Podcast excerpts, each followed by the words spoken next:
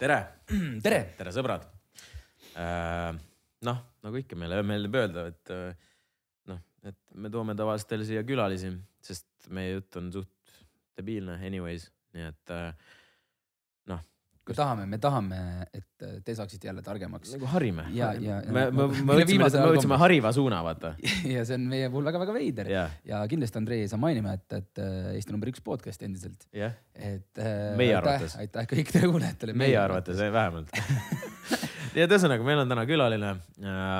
külaline on tegelikult siis noh, kust, kust me alustame isegi, ei tea isegi kust alustada no..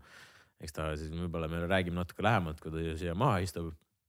Aga ütleme niimoodi, et äh, tegemist on äh, sellise vennaga, kes, kes teab, kuidas äh, rikkaks saada, sest ta kirjutas sellise raamatu, Rikkaks saamise õpik. et ühesõnaga, tema teab, kuidas saada rikkaks, sellepärast et tema kirjutas rikkaks saamise ei no õpiku va-. vaata, vaata, vaata kui fat, fat piece of raamat see on. kusjuures ma nägin mingit Tiktoki kunagi sellest, et mingi vend ütles, et kuidas saada rikkaks, siis on see hetk, et sa kirjutad ise rikkaks saamise õpiku yeah. Ja siis sa saad rikkaks. Ja see oli, see on hea cheat code tegelikult, see on väga hea cheat code. kirjutad rikkaks saamise õpiku ja inimesed elu lõpuni arvavadki, et sa oledki rikas, sa tead, et kuidas rikkaks, rikkaks olemine käib ja rikkaks saamine. aga kas me ei võiks sama teha?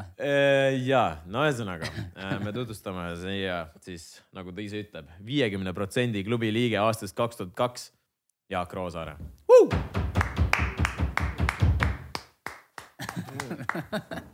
nagu ma telefoni hääletu peale.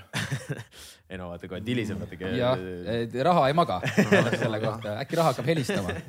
nii, pangast, pangast helistatakse. ei no muidugi, muidugi pangast helistatakse. kõige tähtsam jäi maha. kohvi või kohvitass. mm.? no tere, Jaak. tervist, tervist. tere, Jaak. kust sa tuled, kus, kuidas sul läheb? Sakust läheb läheb hästi. Sakus, Sakus on mis siis mingisugune mul on Sakus, seitsmetoaline villa ja Sakus on mul oma man cave koos äh, rattaga ja, ja tabletiga ja saunaga, nii et ma seal teen trenni. man käib siin sama nagu meil. no sul on parem või? sul on natuke, päris, natuke päris parem ja, päris värskem. nii uhke ei ole jah, mul on umbes, mul on umbes neli ruutmeetrit, aga muidu muidu on Playstation on sama. või? ei, mul Xbox Mhm, näete sõbrad jah, näete jah. see on küll vale. või noh, vabandust, mu pojal on Xbox. aga sa mängid sellega? ma tahan tõmmata ühte mängu, mis mul Teslas on, selline mingi raketilaskmismäng, aga ma ei ole veel jõudnud download ida. mm.. Mis ma just kuulsin, et Teslas on raketimäng. Jaak, Jaak on see vend, kes mängib Teslas neid arvutimänge, vaata. ühesõnaga Teslas saab arvutimänge mängida? Saab ikka jah. ja, ja seal on ju nii, et vahepeal talvel laadimine on mega aeglane, et siis sa teed aega parajaks ja siis on üks siukene vanakooli raketimäng, mis mulle kunagi lapsepõlvest äh, ka meeldis. Jaak, kuidas praegu vaba aega sisustad üldse, millega tegeled igapäevaselt? vabal ajal, kuidas, kuidas jaotad enda töö ja vaba aja niimoodi? mm,. mul on suurim eesmärk, ma arvan, natuke trenni teha, et äh, mul enamus vaba aega vast lähebki siis rattasõidu peale. ja ma otseselt tööl ei käigi kuskil, et ma ise, ise haldan oma rahaasju ja siis Töötu. ähm, töötu töötu. ja siis vahetevahel käin kuskil koolides ka lastele rahast rääkimas miks, miks rattasõit, mis, mis, mis, miks, miks sa valisid, kust see rattasõidu? tuleb? mm,. ma ei teagi, ma tegelikult kooli ajal mängisin võrkpalli, aga siis äh, tagantjärgi tarkusena mulle tegelikult tiimisport väga ei meeldi ka. et mulle meeldib üksi niimoodi, mis positsioonil sa olid? ma olin pingi peal peal. tahtsin öelda libero, vaata, aga nagu see vend siin. ja ma tean, et Valting on võrkpallimees, tegelikult äh, ma olin koos selle Rikbergiga, Rait Rikbergiga samas, nii et äh, ma olen ikkagi Rikbergile pähe teinud mingis üks-ühele miks mängus. ja, ja kuskil, kuskil treeninglaagris. tema ja Alar olid tal, need kahekesi mängisid kogu aeg. ja vennad, vennad. vennad Rikbergid jah. mängivad võrkpalli ja mängivad. aga mul tippsaavutus jäi vist äh, nii, et ma sain pronksmedali, nii et ma kordagi äh, platsile ei saanudki, et äh,. kas siis antakse üldse medaleid niimoodi või? Ikka mingi, mingi, mingi minuti peab ikka tegema, ei sa oled ikka tiimiliige. Oled jah? sa oled ikka tiimiliige. vaata see panus, mis sa trennides annad, on ju ka väga-väga selles mõttes tänuväärne, sellepärast et kui ma meistriliigas olin, siis ma olin ka esimesed poolteist aastat istusin ikka, no istusid vagusi vaata. ühkisid jah? sa nühkisid, aga sa oled meeskonna liige, sest see panus, teised ei saaks muidu trenni teha, kui sind ei oleks, jah. sest siis ei tule kokku vaata. ja pluss, pluss ma tõin ikkagi joogipudeleid ja asju ka. mehed olid hüdreeritud ka veel vaata. töid vaata, raulid, jooksed, vaata mehed higist-, annad rätiku ka veel, kui vaja on. aga äge vaadata, et Rait minu meelest siiamaani mängis, ma ei tea, kas ta enam mängib, lõpetas, aga. eelmise hooaega lõpetas ära, nüüd ta on treener. No vot. aga ta jutu järgi on endiselt ikkagi sama kõva vend. ilmselt ta oli kunagi samas. ei, ta oli. algusest peale, ta oli siuke, kes kunagi nagu alla ei andnud ja lõpuni punnitas alati, et teised läksid juba ära, siis Rait tegi oma kätega võrdse veel natuke, lisaks alati. sa oled natuke parem libero kui sina või? jääb alla natuke või natuke jääb alla. mm.? oota, aga rattasõit siis, kuidas, kuidas no sinna? ühesõnaga mingi aeg kaalusin sada kümme kilo, siis ma nagu joosta väga ei julgenud ja, ja kuidagi rattasõit, ma olin siuke suur Tour de France'i fänn, et siis äh, sealt nagu vaikselt tuli. Mhm. et äh, siis, kui mul esimene laps sündis kaks tuhat üheksa, siis ma hakkasin natuke rohkem sporti tegema jälle. mm.. siis on selline nagu, no nagu Raivo Einal oli ka tegelikult suht sarnane see, et ta oli mingi, mis ta viiskümmend juba avastas, et kurat, et ma olen paks. ma olen natuke suureks ma, läinud ma vaatasin Raivo Eina pilte, et tema, tema see paks pilt on täpselt see, mis mina olen siis, kui ma olen heas vormis. ei no aga- ta, aga Raivo on kõvasti lühem ka kui sina. jah, ja, ja aga ta on vanem ka natuke, nii et mul on veel õnneks aega minna, nii et. et ühesõnaga jõusa-, jõusaali ei, ei lähe või? ei, ma käisin ikka ka, mul oli see teie villast üks tüdruk oli mul treener lausa. kusjuures ma olen Äh, näinud teid ühe korra isegi trennis no näed, näed. ja, ja, aga mul mis oli, sellest saanud siis on? No mul kuidagi need lihased hakkasid segama seda rattasõitu, et äh, Läksid liiga suureks ära ja, ja, ja, et äh, mul pigem oleks vaja nagu massi kaotada, kui lihast ehitada, Mhm. vot. et pigem võtaksid alla ja siis, siis pärast aga ei, ma ikka katsun vahepeal käia ka seal mingi korra kuus. tead, Jaak, ma olen nagu mõelnud, et sihuke noh, vastutus on nagu tänasel päeval sihuke üleüldse nagu asi, mida inimesed ei taha nagu väga võtta, onju. sihuke nagu koorem, see on koorem ikkagi. ja ma mõtlen eelkõige selle peale, et kui sa kirjutad raamatu rikkaks saamise õpikene, ma tahaks tegelikult lihtsalt küsida ette nagu äh, eelnevalt, et, et äh, kuidas ja vaatajatele samamoodi ilmselt huvitav teada, et kuidas üldse see, see, miks see raha sind nagu huvitama hakkas ja me jõuame selle vastutuse juurde, see on mu järgmine jätkuküsimus. okei okay., no ma olen kaheksakümmend kaks sündinud, nii et mul lapsepõlv möödus siuksel põneval ajal, kus äh, olid rublad veel ja oli siuke hüperinflatsioon, et ma mäletan, et äh, ma sain vist mingi kümneka vanaiselt taskurahaks ja siis nädal hiljem sain sota juba, et sihuke suhteliselt müstiline inflatsioon oli. ja, ja siis oli samal ajal see, et midagi poest saada otseselt ei olnud. ma mäletan Elvas äh, jäätist, kui tuli, siis kõik lapsed tõmbasid järjekorda ja mul on siukene emotsionaalne mälestus, kuidas minu eest sai see jäätis otsa, et ma olin seal mingi pool tundi ära seisnud ja siis järsku tulid kroonid ja kõik oli nagu kaupa täis, onju, ja siis jällegi ei olnud raha kellelgi eriti palju, et ma arvan, sealt lapsepõlvest see teema mind huvitama hakkas ja siis äh, teine koht, kus äh, ma ka raha, raha kohta palju õppisin, oli siis, kui ma USA-s raamatuid käisin müümas, et äh, et ma millegipärast arvasin, et USA-s on kõik rikkad, et noh, neil on olnud vaata nii kaua aega oma raha, ei ole olnud mingit sõda ega revolutsioone. aga seal oli veel rohkem vaesust, kui ma Eestis kunagi näinud olin, et äh, mis, mis ajal see USA, USA oli ma käisin teisel kursusel esimest korda, siis kaks tuhat kaks. mm.? aga mis, kuidas sa nagu, kuidas sa nagu sinna sattusid või mis sa nagu mõtlesid, et davai, et suva, lähen nüüd proovin ära või kuidas, kuidas see pakkumine tuli lauale üldse? ma kuulsin sellest aasta varem, kui ma olin esimesel kursusel, et siis käis äh, Pipedrive endine juht Timo Rein käis seal presenteerimas seda. EBS-is õppisin ja siis äh, terve saal oli meil täis. Öeldi, et viis kohta on EBS-ile, mingi kakssada inimest täitis avalduse. Mm.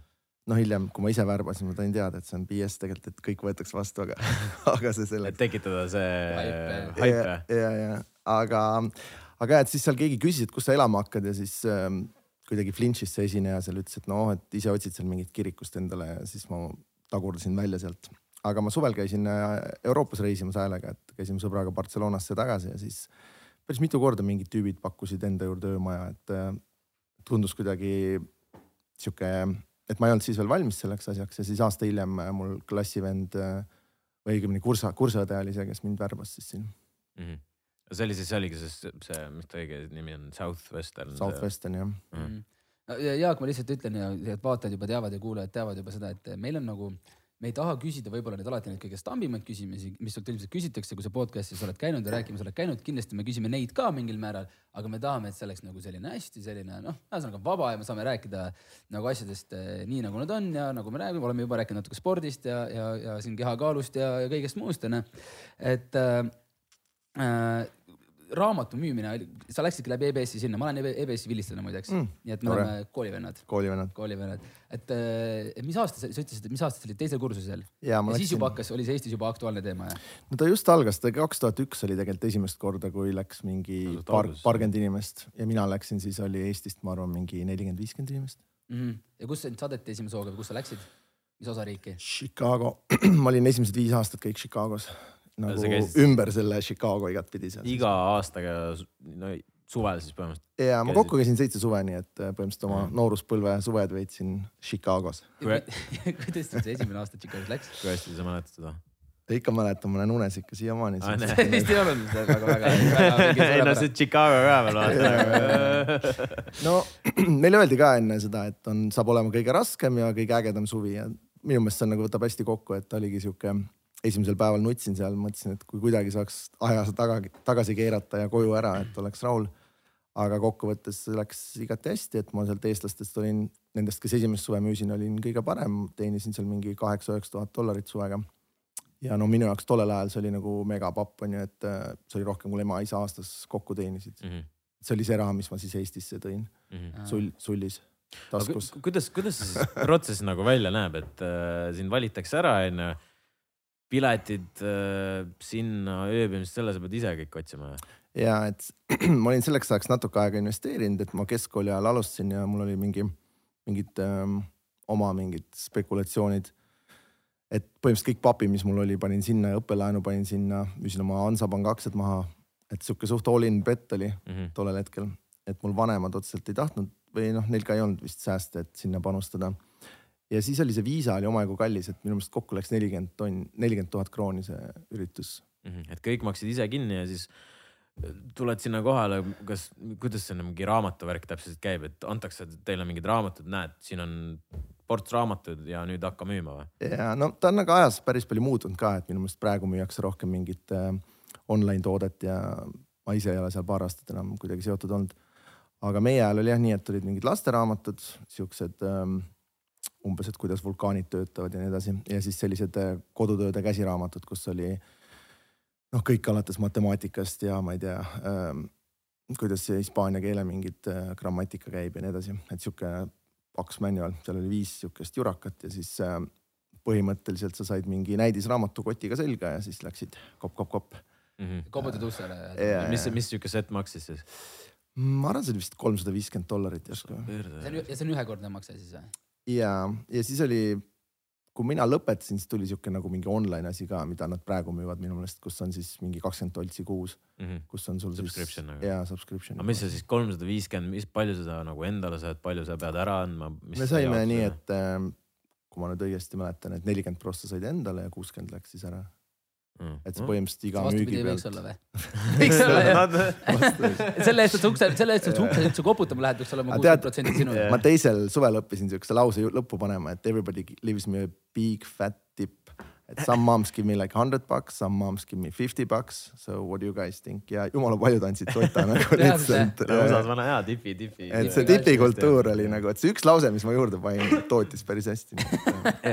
no me, näiteks, no ma ütlen lihtsalt äh, Jaak seda, et see aeg äh,, ütleme, et see, see raamatute, nii-öelda raamatuid müüma kutsumine äh, on meid mõlemaid nagu puudutanud.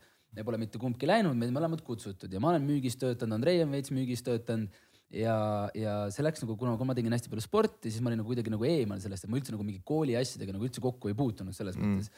ja ma mäletan seda, et kui ma EBS-is õppisin, et ma ütlesin, kas ma just ütlesin õppisin või? õppisin, no nagu ikka, ma isegi, ma ei pane sa isegi ei pane tähele. tähele noh. et kui Õppisin. kui ma EBS-is õppisin, siis äh, mine persse jälle. kui ma öö, õppisin, siis, siis ma mäletan seda aega, et raamatu need, need, kes siis värbasid, hästi agressiivselt tulid peale kogu aeg. Ja üks õhtu ma mäletan, mul on see nii hästi silm, nii hästi meeles veel, et mulle helistab kellelgi mingisugune, mis ma seal, kümme või, ma ütlesin kümme õhtul, kümme õhtul või pool kümme õhtul helistab mulle üks tütarlaps. tere, et kas ma räägin Robiniga, et sain mingilt Tanelilt sinu numbri. ma mingi Tanel, mul ühtegi sõpra Tanelit küll ei ole. Aga noh, räägi, et tahaks sinuga lõunale minna, siis mingi okei okay,, vaata. kell kümme õhtul kell, jah? mis su nimi siis on, vaata. ma ei, ma ei mäleta seda tüdruk, tütarlast, tütarlapse nime, aga ma ütlesin, et ta tahab minuga äkki niisama välja minna.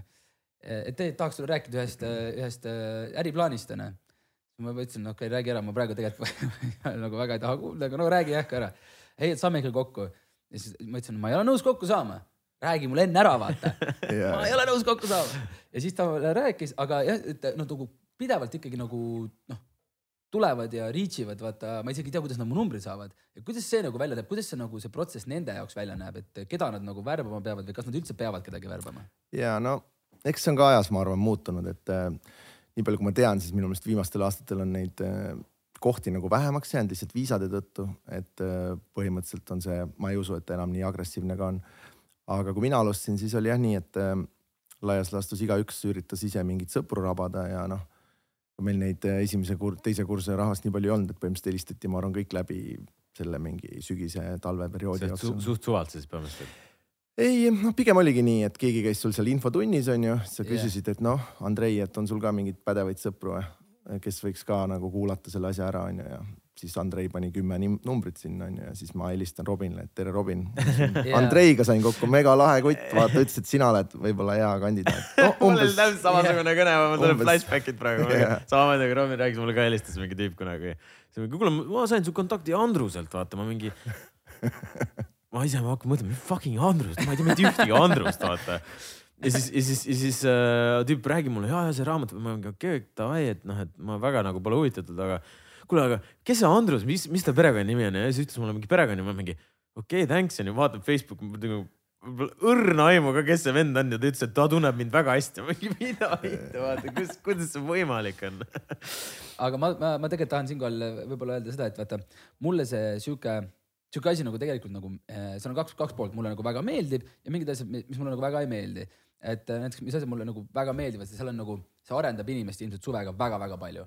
Sest mul on olnud sõpru, kes on käinud ja kes nagu äh, nüüd, kus, näiteks, kui ma käisin põhikoolis koos, siis ta nagu oli sihuke nagu tagasihoidlik, sihuke vaikne, natuke sihuke no enda, endast sees rohkem mm. -hmm. nüüd vaatan venda, vana huugab ringi, saad aru, mingi. muidu ei tulnud ühtegi sõna suust ja välja. ei tulnudki ja, ja tervitused Hannesele, et, et äh, selles mõttes ma vaatan venda ja vend on nagu noh, ongi teistsugune selles mõttes, et ta on nagu, võib-olla ta on kogu aeg tahtnudki võib-olla rohkem olla avatum et nüüd on see nagu teda muutnud ja ta on mitu nagu suve käinud ja käinud ja käinud ja ta käis veel mingeid äh, muid asju ka müümas, mingeid neid suitsuandureid ja vinguandureid ja mm., ja mingeid selliseid asju, et äh, tegelikult see nagu muudab inimest ka, Teidla, jah minu klaar põhikooli klassivend No väike maailm. et, et noh, see, kui, see kui muudab palju inimest. sind, kui palju sind nagu see, kui sa läksid sinna see esimene aasta, milline sa olid ja milline sa olid, kui nagu pärast seda siis? Ma arvan, et ka ikka mõjutas, ma läksingi suuresti sellepärast, ma tahtsin inglise keelt suhu saada. ja minu jaoks oli võõrastega nagu suhtlemine päris keeruline, et ähm, no ma, kui ma näiteks Tallinnasse tulin, siis ähm, äh, ma elasin esimese aasta Tallinnas nii, et ma ei julgenud ühistranspordiga sõita, ma põhimõtteliselt kõndisin Kristiinast Epsi iga päev nagu jalgsi. tundus kuidagi nii keeruline kogu see Tallinna värk. et ma muidu Tartust pärit ja siis ähm, ja ma arvan jah, seal õppisid nagu siukest small talk'i tegema ja, ja mõnes mõttes siis mingi inimesi lugema natuke paremini. ja kuna ma nagu tippsporti pole teinud, välja arvatud siis see pingil olemine, et siis ähm, minu jaoks vaatan. tippsto-. jah, vaatan, et minu jaoks oli ta sihuke nagu spordi aseaine ka natukene, et ähm, ma ikkagi, kui ma seitse suve kokku müüsin, et siis ähm, noh, ma valmistusin selleks ja panin mingeid eesmärke ja nägin vaeva, et, et ma sain sellist nagu eneseteostust sellest programmist ka päris palju.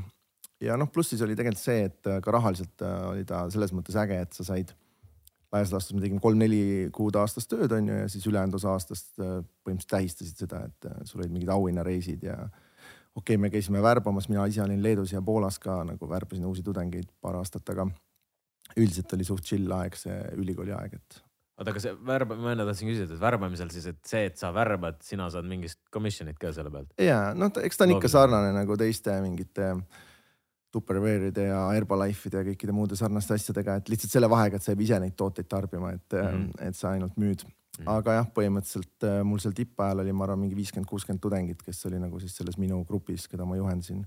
mm..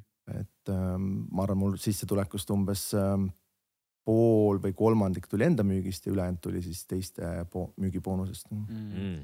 Ma, ma näiteks, ma, ma korra jäigi jutt pooleli, et noh, see ongi positiivseid asju on nagu väga palju, see arendab inimest, no sina läksid, õppisid keele ära, hakkasid oskama inimestega nagu võõraste inimestega eelkõige nagu suhelda, see arendabki inimest. aga võib-olla noh, siis ongi see, et see võib-olla natuke siuksest nagu mille, pool, mille peale, millest väga palju ei räägita, on see, et kui nagu Andrei tõi selle välja, et sa pead nagu minema, ostad mingid tooted, vaata mingid asjad, sa paned nagu, no sina ütlesid ka, sa panid kogu oma papi sinna alla, siis see oligi mm -hmm. nagu investeering sinu jaoks onju. sul oli oma mingi üks goal, kuhu sa tahtsid jõuda sina saavutasid seda onju no,. väga paljud on need, kes võib-olla panevad ka oma papi sinna alla, aga nad ei saavuta seda, sest nendel pole seda drive'i näiteks nagu sul oli.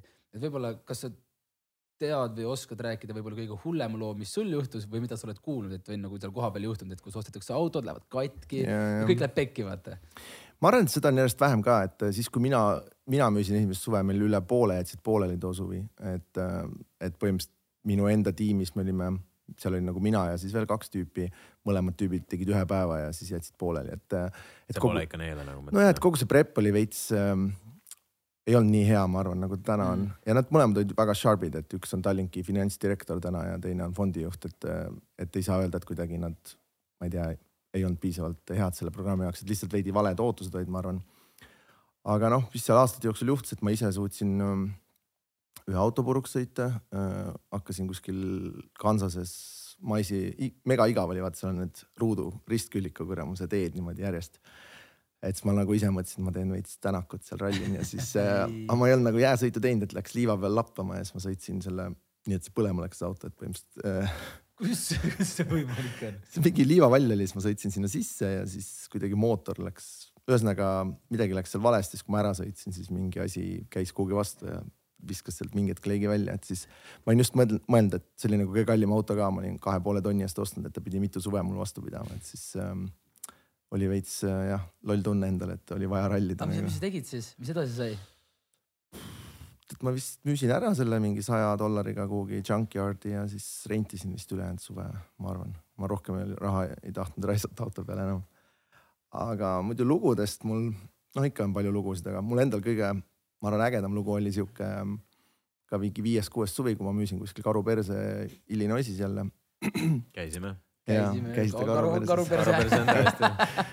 et seal oli, vaata USA-s on need treilerid või siuksed vagunelanikud, no isegi mitte park, aga kuskil nagu võsas ongi mingi üksik treiler onju. ja sa käisid seal või? mulle meeldis jah, mida, mida hullem koht oli, seda põnevam. ma ei tea, kas sa tänapäeval ka enam niimoodi läheksid, aga. ja siis ähm, ühesõnaga koputasin onju, mingi varahommik oli. Ja siis tuli mingi vant ukse peale nagu üleni paljas ja nagu hard on'iga. ei noh, hoidis, hoidis nagu kätad ees onju, aga ole. oli näha. ja siis ta oli nagu üleni tätoveeritud ka ja oli siuke, et nagu what the fuck you want onju, hästi agressiivne Yeah. yeah. ka. ja taga oli siis naine oli paljas nagu voodi peal. ja siis ma olin nagu suht flinched või noh, siuke, et aa ja ma ei osanud midagi muud öelda, ma ütlesin oma self või seda sales talk'i, müügiteksti nagu sõna-sõnalt vaata, et I m selling these great books ja ta-ta-ta. mõtlesin, et kohe tuleb nagu laks ära ja siis äh, see tüüp oli nagu, et vau wow,, we have been looking for these books nagu ja siis ta reaalselt ei ole.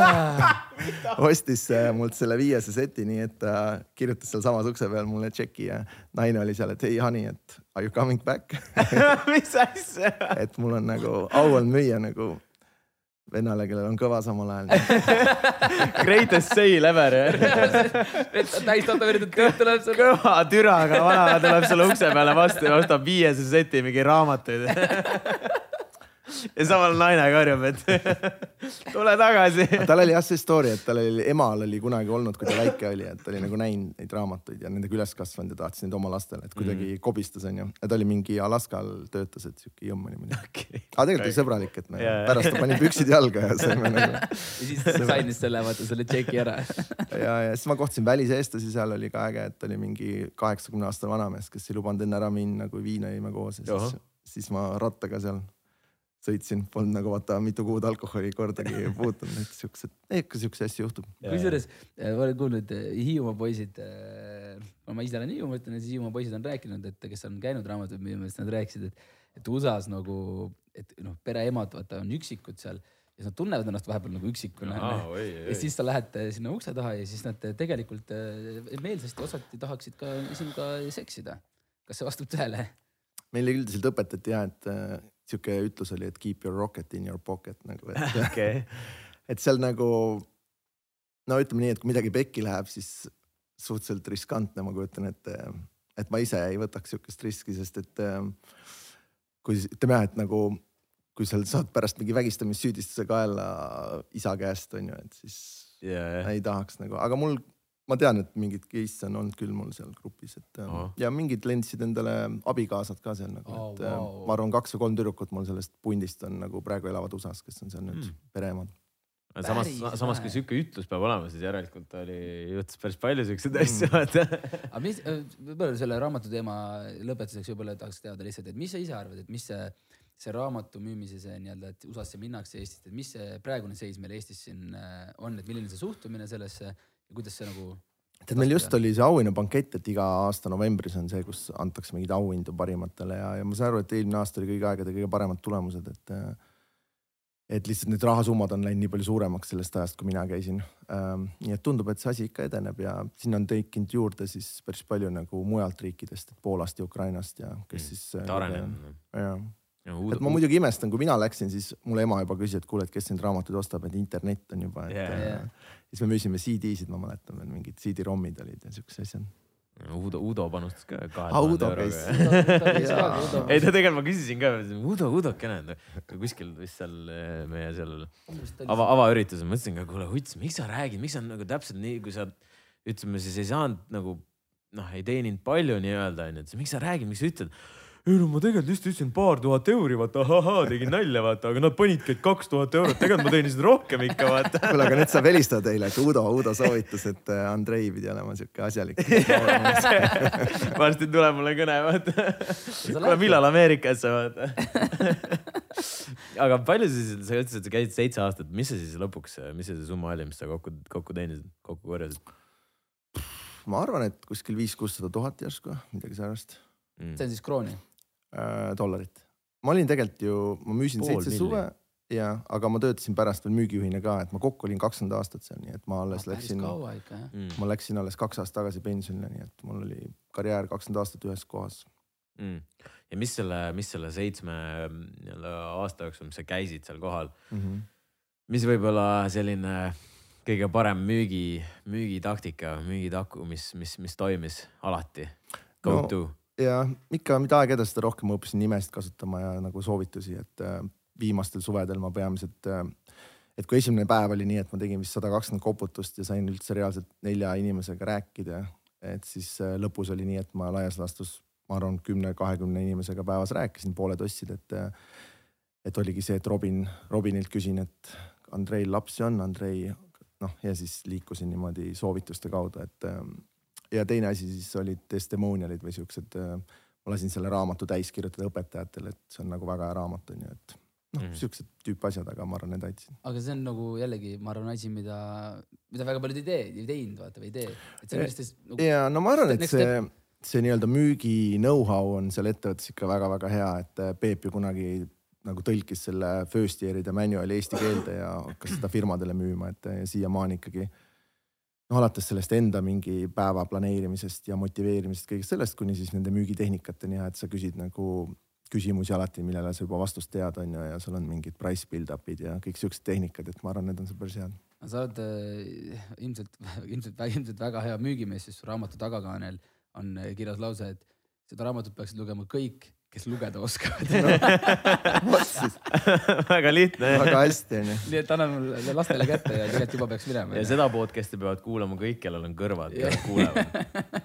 aga ma olen, ma olen saanud muuseas äh, päris mitmelt äh, noorelt nagu kommentaari, et nad ei ole, et see on esimene raamat, mille nad on päris läbi lugenud. päris uhke. aga see on ju tegelikult kusjuures, parim kompliment kusjuures ma ütlen, ma ka, ma, ma äkki olin mingisugune ütleme gümnaasiumi lõpupoole või isegi üksteist klass äkki isegi mul, ma olin vist kaksteist. üksteist, üks, üksteist klass ja siis ma hakkasin natuke rohkem siis sellise finantspoole peale mõtlema või aru saama, et kuule, sihuke asi ka nagu eksisteerib vaikselt. ja ega tegelikult juba tollel ajal, see oli siis kaks tuhat viisteist, mingi sihuke aasta, siis, siis juba see asi oli sul olemas noh. vist kaks tuhat kolmteist ilmus jah. jah, ja, ja siis ma olingi, et, et davai, et äh, mis, mis raamatud nagu eksisteerivad ja noh. Ja ütleme niimoodi, et kui sa eriti, kui sa alustad ja sa ei saa mitte midagi aru, kui sul on seal raamatu peale kirjutatud rikkaks saamise õpik, saad mingi, et noh, seems fair enough, vaata, et peaks siis nagu okei okay olema, vaata. Ja siis sa võtadki selle raamatu ja loed läbi. Ja tegelikult ausalt, nii palju, kui ma mäletan, kui ma esimest korda lugesin seda, siis sul on tegelikult ju mitu versiooni praegu, kolm või kolmas tuleb või? neljas just. Neljas tuleb. mm. -hmm. ehk siis äh, see oli ka, ma arvan, üks esimesi, mis ma lugesin, et no ongi, et saad, saad ikka väga-väga sellise hea, hea baasi noh.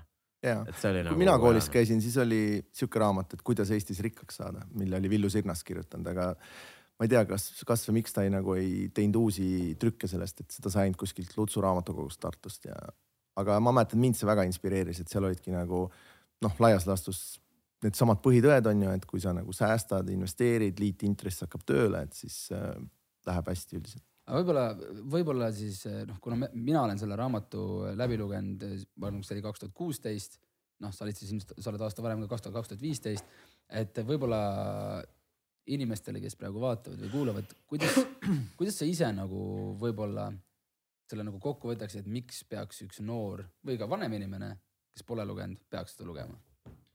No mis ma ise avastasin USA-st ka, et tegelikult hästi paljud inimesed lihtsalt töötavadki palgapäevast palgapäevani, et nad ei jõuagi kunagi sinna, et raha nagu hakkaks äh, nende heaks tööle.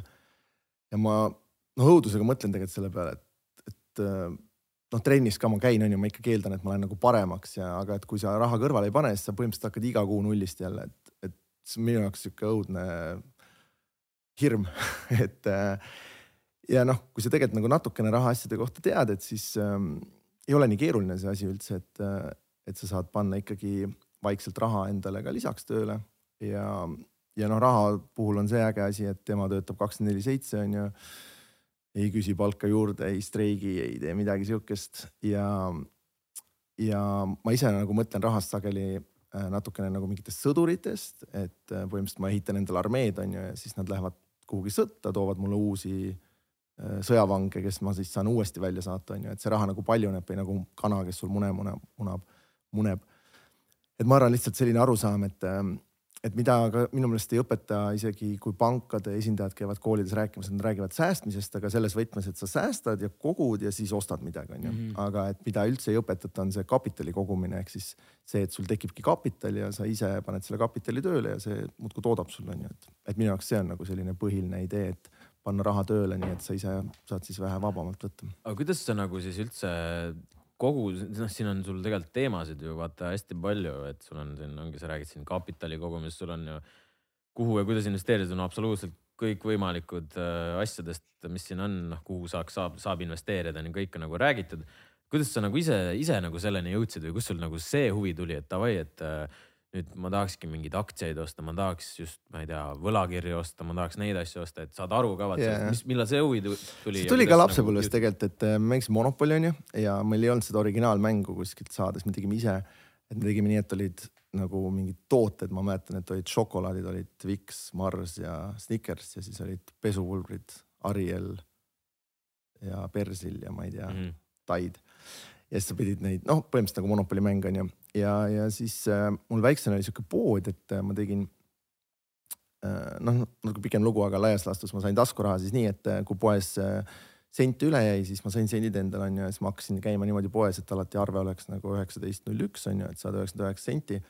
ja siis sa mõnikord öeldi, et kuule, las see üks jääb onju, siis saanud muhvigi. ja, ja siis ähm, siis ma avastasin, et äh, tegelikult ma saan nagu hulgilaost odavamalt osta kui sealt poest, et äh, siis ma sain vanematega diili, et ma sain selle vahepealse papi nagu endale. et siis ma põhimõtteliselt müüsin kodus, retail isin seda Vanematele. vanematele hulgilao kaupa. ja, ja mul oli vahepeal päris okei okay business, et naabrid käisid ka ostmas ja sihuke äh, kodu, kodune kaubandus. ja, ja siis selle käigus ma nagu õppisin natuke raamatupidamise mingeid asju ja ja siis äh, keskkoolis ma olin vist kümnes klass, kui ma lugesin Seppo Saarjal on sihuke raamat nagu Sada igikeelest börsivihjet. et need Seppo raamatud on eesti keeles ka Äripäev tõlkinud ja väga head lugemised. ja siis seal ma esimest korda sain kuidagi nagu, ma mäletan, ma istusin Elvas seal vanaisa majas trepi peal, suvi oli onju, lugesin, mõtlesin et täitsa pekkis, et, et iga inimene saab nagu omada mingit ettevõtet. et ma kogu aeg arvasin, et ettevõte on ikkagi sihuke, et noh, kui keegi teeb, siis see, et ma ei teadnud, et sa saad olla aktsionär kellegi teise ettevõttes onju ja siis ma lugesin seda, mõtlesin, täitsa uskumatu, et miks ma peaks kuskil firmas nagu töötama, kui ma võin lihtsalt omada seda firmat ja see oli sihuke nagu valgustuse hetk, et ma siis sellest hetkest mõtlesin, et ma tahan kindlasti ka investor olla, ma panin endale keskkoolis meiliaadressiks investor, et äh, Descartesi lütsem ja igale poole, kus pidi mingit manifesteerisid. jah, Aliast panema panin investor alati, mul oli LHV Foorumis oli kasutaja nimeks investor ja nii edasi. et ma põhimõtteliselt seal kuskil kümme-üksteist klassi otsustasin ära, et ma tahan seda teha, et ähm, ja siis ma nagu lugesin järjest selle kohta ja noh, kuna mulle nagu iseenesest numbrid ja matemaatika ka meeldib, et siis ähm, minu jaoks nagu need asjad jooksid seal hästi kokku, et, et sellest saadik laias laastus on see pakkunud huvi. aga mis su esimesed ostud olid äh, tollel Mul ajal? kõige esimene- välja arvestada see Southwestern Jah. ja ei, mul kõige esimene oli Eesti Telekom, et see tuli üheksakümmend üheksa börsile. ja, ja see oli ka täpselt niimoodi, et ma olin sellel suvel olin lugenud seda Seppo raamatut, seal oli peatükk, et osta, kui riik erastab. Ja oli lugu siis Sonerast, mis on nagu Telekomi analoog Soomest. ja oligi, et äh, kui riik erastab mingit suurt firmat, siis riik ei taha nagu kotti pähe tõmmata elanikele on ju, et pigem jätab sinna veits tõusuruumi. noh, nüüd oli meil Enefit Greeniga sama lugu on ju ja siis ma põhimõtteliselt võtsin kõik oma säästud ja laenasin isalt. ma ostsin kokku kakssada seitseteist aktsiat, üks aktsia oli kaheksakümmend viis krooni, nii et äh, see oli siis mingi seitseteist tuhat krooni oli see esimene kapital, millega ma alustasin. ja siis äh, läks nagu Sepo lubas, et äh, aktsia tõusis seal kahesaja või tähendab saja kahekümne krooni peale, lükkasin maha, maksin isale laenu ära, tegin sõpradele välja ja siis hakkasin kohe klassikaaslaste raha investeerima ja siis me põletasime pool ära nagu. aga jah, said oma selle esimese win'i kätte ja siis mõtlesid, et davai, et ma olen mõelnud, kas see on hea või halb, kui esimene on nagu win, aga see on vist ikkagi hea, et, et muidu võib-olla oleks nagu kohe püssi põõsasse visanud, onju. jah, sest siis sa vaata, saad selle nagu selle hai kätte ja siis sa lähed edasi ja siis saad põletada. jah, et see oli, minul täpselt nii oli ja ma arvan, see on hea mudel. ehk siis saad aru, vaata, et kus nagu, et mis tunne on nagu võita natuke ja mis tunne on kaotada ja siis sa täpselt jõuad selle, ahah, et nüüd peaks tegelikult mingisuguse natuke õppima. ja natuke õppima mingisuguse keskmise kuldse tee leidma noh. sest ma mäletan jah seda, et äh, ma teenisin sellega rohkem, kui ma olin mingi eelmiste suvedega suutnud nagu mingeid asju ajades teenida. et siis ma mõtlesin jah, et miks ma üldse, et ma kunagi tööle ei lähe, et ma hakkan ainult aktsiaid spekuleerima ja siis, kui lossid sain kätte, siis läksid ikka tööle. oota, aga sõprade rahad said ka kaotatud siis või? ja seal oli nii, et sõbrad olid pahased ka või? Mul üks sõber oli konkreetselt oli isalt varastanud või no mitte varastanud, aga nagu laenanud, Laenanud. mina ka laenasin ja seal oli veel see case, et, et põhimõtteliselt see aktsia tegi nagu tagurpidi split'i Tallinna farmaatsiatehase aktsia oli, et mul kontol nagu näitas, et ilge võit oli, onju, aga tegelikult oli aktsiaid nagu kümme korda vähem. ehk siis pool, pool rahast kadus ära ja ma mäletan, et ta nagu järjest vajus ja siis hakkas nagu õppimist ka segama, et noh, me saime nagu internetti ainult vahetunnil siis kui joppas onju, et arvutiklassis oli vaata, et ei olnud mm. mobiile ja asju. Et ma mäletan jah, et ma seal kooli ajal nagu rohkem mõtlesin selle farmaatsiatehase aktsia peale kui kooli asjade peale, et siis, siis me lõpuks müüsime kõik maha, kõik said pool raha tagasi ja siis rohkem enam ei investeerinud seal. mis platvormil te, sa üldse neid oste tegid tead, see oli SEB internetipanga platvorm mm.? seal oli veel sihuke asi, et sa pidid, pidid äh, rippmenüüst valima aktsiat, ma ostsin ükskord, ma tahtsin osta Hansapanka, ostsin EMB-d, siis ma valisin kiiruga valesti nagu sealt, et ähm, et nad olid jah niimoodi rippmenüüs. Väga, ma, ma, ma tahaks lihtsalt korraks taustaks rääkida või küsida seda, et, et mul nagu näiteks, kui ma võtan näiteks enda vanemad onju äh,, minu vanemad on täna üle viiekümne aasta vanad äh,. Nemad nagu ei ole kunagi tegelenud siukse asjaga nagu investeerimine. ja nüüd tagantjärele noh, see praegu on nii aktuaalne, miks näiteks kunagi nagu ja siis on jälle mingisugune grupp inimesi samas vanuses, kes on tegelenud sellega Mm -hmm. kes on siiamaani tegelevad sellega ja kellel on tänaseks päevaks nagu kogutud kapital, mis on nagu noh, nad saavad elada, nad saavad pensionile minna. et, et mis, mille, miks, miks, miks osad grupp, osa, osadel inimestel see nagu tuli lihtsamalt tollel ajal, sest kui nemad alustasid, ma ütlesin juba pea, see on üle kolmekümne aasta tagasi Mhm. mm, Mm -hmm. et kui nad nagu oleksid võinud alustada, on ju, isegi rohkem.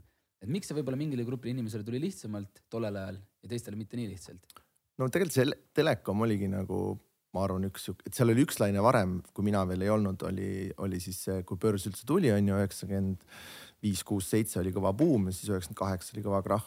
et ma arvan, sinu vanemad olid seal nii-öelda see võitjate põlvkond on ju, kes, kes sai kõike erastada ja ärastada ja nii edasi, aga see oli hästi kitsas iseenesest, kes seal nii-öelda rahapotile ligi sai, on ju, et et pigem äh, massidel sel hetkel polnud üldse mingit kapitali, et me ju kõik alustasime nagu suht samalt lehelt nagu yeah. Monopoly mäng on ju, et said oma sada krooni või mis iganes, mingi hulga rublasid sai kroonideks vahetada.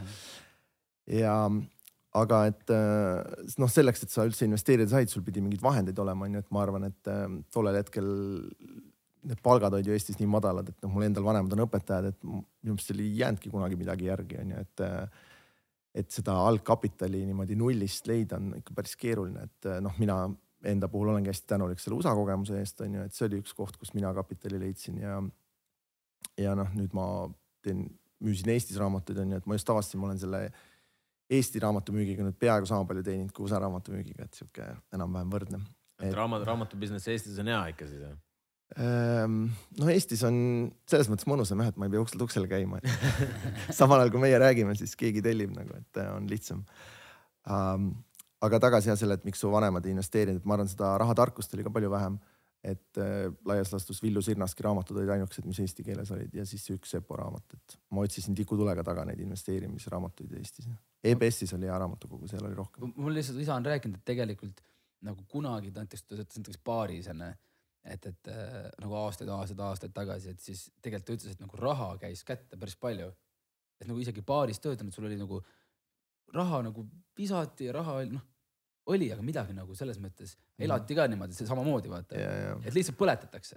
aga see võib-olla ei olnud see nagu äkki vaata, kui me räägime noh, et ostad mingi aktsiaid ja siukseid nagu konkreetsemaid asju, see on nagu noh, juba next nii-öelda samm vaata, et pigem äkki ostetigi mingeid kinnisvarasid ja siukseid asju, kodusid, see no, oli nagu. vaata, see oli ka sihuke aeg on ju, inflatsioon oli mingi mega crazy, olid need EVP-d, mingi maade erastamised, et selles mõttes oleks hästi põnev, ma olen mõelnud, et sinna aega tagasi minna, et meil olid ka peres olid mingid maad olid tagastatud, mis me müüsime võileiva hinna eest ära, et keegi nagu ei osanud arvata, et kunagi võiks, ma ei tea, mets midagi maksta, onju, et, Mhm. et kõik tehti suht kiirelt rahaks.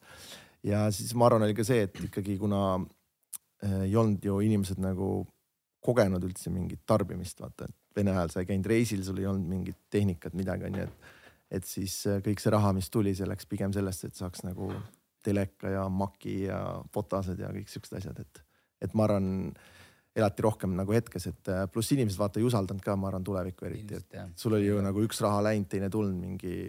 Siiamaani ma arvan, vanemad inimesed ütlevad, et come on, varsti on mingi inflatsioon ja tuleb, tuleb, sööb kõik ära. Jah. mm. no sa ütlesid, et sa põletasid oma sõprade rahad poolenisti ära ja läksid tööle, mis sealt nagu edasi sai, kas sa nagu hakkasid oma vigadest õppima ja siis sealt äh, sukeldusid kuskile edasi?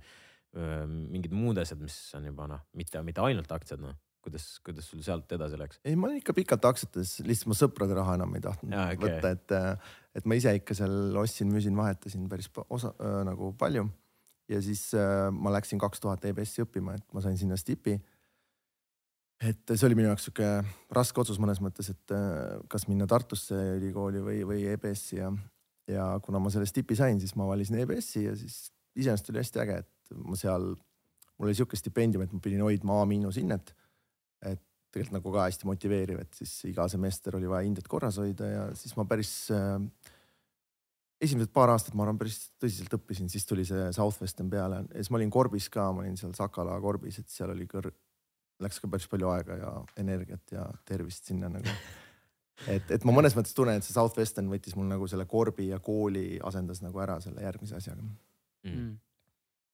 Uh, ma tahaks äh, küsida kõige selle asja juures, et, et sa käisid ülikoolis, sul on, sul on tänaseks päevaks on sul äh, lapsed, sul on äh, abikaasa.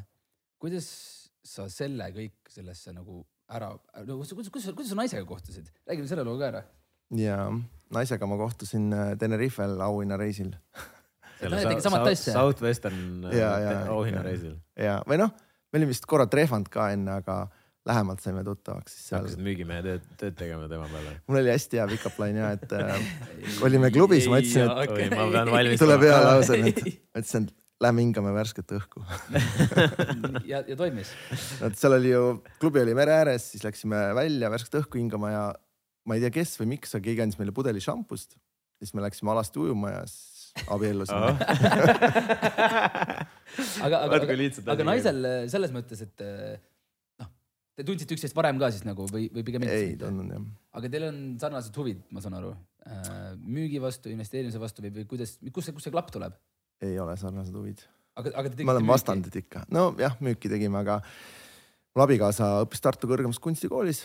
ja põhimõtteliselt äh, ma arvan, ta peamiselt läks müüki sellepärast, et ta ei julgenud nagu ei öelda sellele nägusale noormehele, kes teda värbas seal, kes ei olnud mina, aga, aga et jah, ta nagu suht survive'is seal need neli suve, neli, oota, kolm suve. Käis päris palju ka ju. kolm või neli suve jah, neli vist ikka kokku mm. -hmm. aga ühesõnaga ei investeerimine ega müük nagu otseselt teda ei tõmba, et ta pigem, nüüd ta töötab fotograafina ja pigem on sihuke artsy.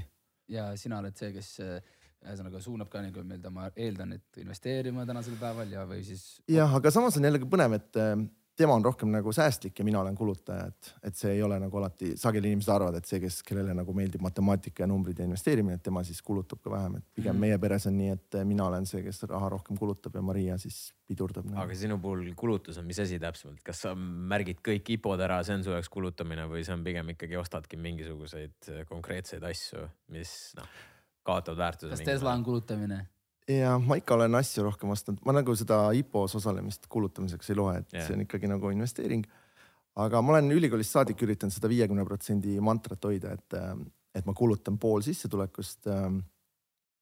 ja noh, et see on nagu mõlemas kohas raske, et ta on alguses raske ja ta on nagu mingis lõpufaasis ka keeruline, et, et põhimõtteliselt ma arvan, praegu ma ei kuluta viiskümmend protsenti sissetulekust, et ja aga alguses äh, ma panin selle lihtsalt, äh, ma lugesin selle kohta, et oli üks USA investor, kes, äh, kes siis seda põhimõtet rakendas ja miljardäriks sai, siis ma mõtlesin, ohoh, kõlab hästi, onju. et ma hakkasin sellega laias laastus esimesest kursusest pihta, et, et alati, kui ma tahtsin nii-öelda midagi kulutada, siis ma sama palju raha panin endale kapitaliks kõrvale ka. ühesõnaga alguses on seda raske sellepärast teha, et sul ei ole väga palju raha ja pärast on seda raske teha sellepärast, et sa ei jõua ära kulutada seda raha. põhimõtteliselt jah ja., või noh sa jõuad, aga ja, sa, sa ei taha, sest et. sul ei ole vajadust ka, ma arvan, siis sa lihtsalt hakkad mõtlema selle peale, et oh, nüüd kulutaks hästi palju ja. ja. pigem no, ei ole ka mõistlik.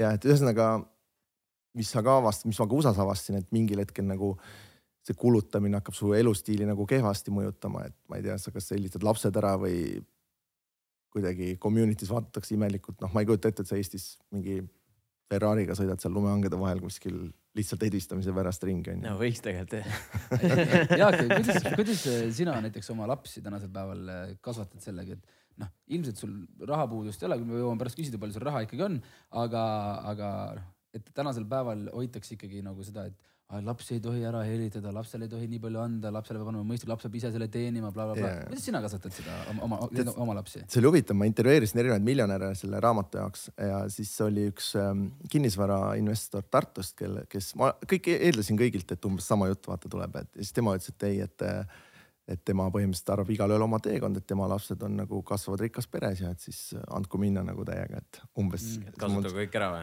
jah, et noh, et see on nagu nende teekond, et tema teekond oli raha teenida, laste teekond on raha kulutada. ma nagu mõtlesin, okei okay,, et väga huvitav vaatenurk, et ma ise olin ka pigem nagu selle teise vaatenurga poolt. aga mulle endale tegelikult äh, on nagu huvi pakkunud just sellised äh, generatsiooniülesed äh, perekonnad, kes on suutnud nagu mitu põlve mingit pereäri või, või raha, raha kasvatada või kapitali kasvatada, on ju, et Rootsis on hästi palju näiteid, on äh, noh, Wallenbergid on kõige kuulsam, aga on tegelikult hästi palju siukseid peresid, kes on siis mingi vana-vana-vanaisa tegi mingi laeva või metsafirma ja siis tänapäevani need äh, osalused on suguvõsa käsutuses. et, et ma arvan, seal niisugune peamine mõte on siis see, et raha ei ole nagu otseselt kulutamiseks, vaid ongi kapital nagu nii-öelda tööriist on ju, et noh. kui sul mingi haamer või saag on ju, et siis, et, et see haamer või saag on selleks, et midagi luua või teha, on ju, et siis see samamoodi, et see algkapital on selleks, et siis sellega mingeid uusi väärtusi luua või, või mingeid eesmärke saavutada.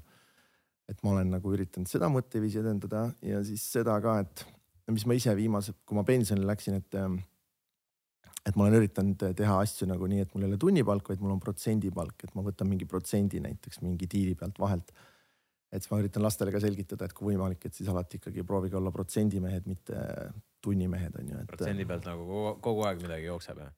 no selles Vaikselt mõttes, et. Äh, ma nagu mõtlen selle oma esimese suve peale on ju, et ma rabasin seal kaheksakümmend viis, kaheksakümmend kuus tundi nädalas on ju, kuus päeva nädalas, neliteist tundi päevas. Äh, kolmteist nädalat müüsime kokku ja ma teenisin siis kaheksa tuhat dollarit on ju. ja, ja siis, kui ma vahendan mingi laenu või teen mingi kinnisvara flipi on ju, siis ma teenin nagu mõnikord rohkem või ma ei tea, kordades rohkem ja põhimõtteliselt ma käin korra notaris või nüüd ei käi enam notaris ka, on see e-notar on ju. jah, et sa jood kohvi, paned PIN koodi on ju ja teenid nagu rohkem. et selles mõttes see raha teenimine on nagu nii ebaõiglane, et äh, seal ei ole nagu seost selle kulutatud aja, energia ja, ja isegi tarkuse või noh, kui sa mõtled, ma ei tea, lasteaiakasvataja või õpetaja või arst või keegi on ju, et kui palju ta peab vaeva nägema. ja samal ajal on nagu no kasvõi mingi kinnisvaramaakler on ju, et ega ta ei näe rohkem vaeva kümne millise objektiga kui ühe millise objektiga, aga kuna ta on protsendimees on ju, siis ta saab kümme korda rohkem, et mm, -hmm. et ma olen ise siis üritanud ka leida neid protsendidiile ja lastele ka õpetada, et katsuda ikkagi protsendimees olla aga sinu lapsed ühesõnaga saavad, eh, nagu ma aru saan, siis tulevikus tegelikult, kui on mingisugune idee, ma ei tea, ärimõte, mingi, mingit suunda liikuda, siis tegelikult saavad papsi, papsi finantse kasutada selle jaoks. Nojah, sa mõnes mõttes sa pead ju mõtlema, mis sa oma rahaga teed, on ju, et sa kas tarbid selle ise kõik ära, annetad kuhugi ära või jätad siis kellelegi, on ju Mm -hmm. ja no kui sa kellelegi jätad, siis ilmselt sa ikkagi jätad pigem oma lastele kui kellegi teiste lastele ilmselt küll. ja kui sa selle ära annetad, siis noh, ühesõnaga, eks sa kuidagi žonglöörid nende kolme asja vahel, aga, aga mulle lihtsalt meeldib jah see mõte, et, et seda algkapitali võiks nagu hoida loodetavasti nagu mitu põlvkonda ja, ja siis tarbida selle asja nagu vilju, vaata, et sa ei killi, noh, umbes kui sul on perekonnas põld, on ju, või mets näiteks, et siis sa ei müü seda krunti ära, vaid sa nagu iga põlvkond raiub seal puid on ju ja tarbib seda puud, aga see mets kui selline jääb alles. et ma ise mõtleks rahast natuke samamoodi, et Mm. et jah, nii mõtleks. sa, sa rääkisid korra vaata, et sulle meeldib kulutada, mis on võib-olla selline kulutus, mis, mida sa praegu vaatad ja mõtled, et kurat, tead, oleks pidanud selle ikka kuskile nagu mingi noh, pigem, pigem stokki panema või, või na- natuke kahetsed nii-öelda, kas sul on siukseid asju ka olnud? mm,. mind mõjutas omajagu, ma lugesin eelmine aasta sihukest raamatut nagu Die with Zero või Sure nullis, mis Äripäev nüüd avaldas eesti keeles ka. kus oli nagu matemaatiliselt niimoodi arvutatud on ju, et tegelikult kuskil neljakümne, viiekümneselt sa peaksid nagu oma tarb, noh nagu mõnes mõttes äh, hakkama kulutama rohkem, sellepärast et sa ei jõua muidu oma raha ära tarbida nagu Mm -hmm. Et äh, ma ei olnud, ma ei olnud nagu varem üldse mõelnud, miks ma investeerin või mis see eesmärk on, et pigem oli lihtsalt see, et liitintress töötas, on ju mega äge nagu. summad lähevad järjest suuremaks, aga et siis nüüd eelmisest aastast alati või ütleme kaks tuhat kakskümmend kaks, kui ma nagu pensionile ka läksin, et siis ma teadlikult olen okei okay, olnud rohkem kulutama mingite reisimiste elamuste ja restoranide ja siukeste asjade peale. aga noh, sellega harjumine on ikka keeruline, et me käisime abikaasaga pulma aastapäeva tähistamas restoranis reedel. arve oli seitsesada eurot on ju, et nagu mõtlesin, kus kohas sa käisid? saja kaheksakümnes või? käisime seal jah, et äh, mitu pudelit veini läks? Tead, see oli mingi käik oli seal, mingid erinevad Yeah. sortsud olid okay., mina võtsin alkovabad koksid, mis oli väga hea, hea diil, et äh, mul abikaasal oli mitu päeva paha nendest veinidest. aga ma lihtsalt mõtlen, et see on mingi kümnendik sellest esimese suve rahast onju, et kui raskelt see raha nagu tuli tollel ajal ja noh, kui kergelt ta seal restoranis läks, vaata, et mm. -hmm. aga noh, näiteks äriklassis ma ikka ei suuda lennata, et, et äh, minu meelest lendamisel on nagu kolm faasi, et esimene on see kuhu ma olen kinni jäänud, et sa ikkagi üritad leida no matter what kõige odavama lennu onju, et me Mhm. tuli, käisime Tais perega, siis me tulime läbi ussiaugu kuskilt Jordaaniast tulime mingi, saime sada või kakssada euri odavamat piletit, meil oli layover mingi kella ühest kella viieni hommikul Jordaanias Oi kolme jumal. lapsega onju. ja siis mõtlesin, et okei okay,, et sellest levelist võiks nagu edasi minna, et lendad ikkagi turismiklassis, aga mitte kõige noh, et sa vaatad selle järgi, et saaks otse kohale, mitte selle järgi, et oleks sada euri mina odavam. tahan välja tuua ühte postitust Jaak Rooserilt nii, selle, selle samuse teemaga ja selle samuse teemaga Jaak. ja mina, minu, kui, kui Jaak Roosaare ikkagi müüb rikkaks saamise õpikut ja, ja mina, mina, mina usaldan Jaak Roosaaret selles mõttes, et äh, ja, ja soovitan ka teil raamatut lugeda ja mina ostan selle raamatu. ja kui mees, kes ütleb, et ta on rikas, teeb postituse. Warren ootab, Madis ohverdas oma tagasilennu upgrade'i, et säästumees saaks ka äriklassis, äriklassi võlusi kogeda. šampus, sussid ja privaatsus. sobib küll, kas ma oleks valmis ise selle eest viissada viiskümmend eurot lisaks maksma, sulgudes arvestades, et kogu reis edasi-tagasi maksis kolmsada seitsekümmend üheksa eurot, sulud lõpevad. Not yet. no täpselt nagu ma ütlesin, ma sain selle sõbralt kingiks, et väga äge lend oli, aga taga, tähendab, me läksime sinna äriklassis, aga tagasi oli siis valik, et kas maksame kuus sotti juurde ja mõtlesin, et noh, üks koks, sussid on ju. ja ma ei paindunud nagu maksma seda. ja siis, siis Raivo Hing kommenteeris sulle täna, super, oota veel kümme aastat. aga Raival kindlasti, aga noh, mõnes mõttes tegelikult ikkagi see ultimate äh, kapital on su enda eluiga, mis sul veel ees on, onju. et kui ma käin noortel rääkimas ka, siis noortel on võib-olla raske aru saada, aga et tegelikult iga, iga kaheksakümne aastane miljardär vahendaks hea meelega nagu kohad kaheteistkümnenda klassi suvalise vini näoga onju, et, et saaks uuesti nagu See- see- see- runway'd endale. see, see, see on ka fair, aga sa lihtsalt eh, põhimõtte pärast ei taha siis osta, mitte sellepärast, et sul ei ole raha. ei, see tundub nagu, et see oleks nagu pigem selline asi, et äh, sa oled harjunud kuidagi, et äh, mingist vanast ajast, et kuule, et ma, ma pigem, ma ei tea, säästan või investeerin selle kuhugi, kui ma ostan näiteks mingi siukse asja, mis tegelikult maksab noh, nojah, vaata see on over, nagu over valued et kas sa ostaks olümpiast kümne eurost kohvi onju, et noh, et see on siuke, et fuck, see on rip-off onju, et see See- äriklass tundub sarnane rip-off nagu, et sa saad selle ühe mingi okei okay,, kaks või kolm koksi selle eest onju, et viiesaja soti eest ma saan teha peaaegu selle sada kaheksakümmend kraadi uuesti. Selle, sellega, sellega on hea lugu, see mul üks, üks sõber ka, kes äh, on natuke, natuke rikkam kui mõni teine, natuke rikkam kui mõni teine, siis ütles ka, et sõitis Austraaliasse vist ja siis võttis ka selle äri, äriklassi onju ja, ja. ta võtab igale poole, kus ta enda võtab äriklassi. jah, ühesõnaga ja siis ta ütles, me küsisime, no kuule, et palju siis nagu üks, noh, üks ots maksis, tal ei olnud teist otsa vaata veel tagasi. no kaksteist tuhat onju.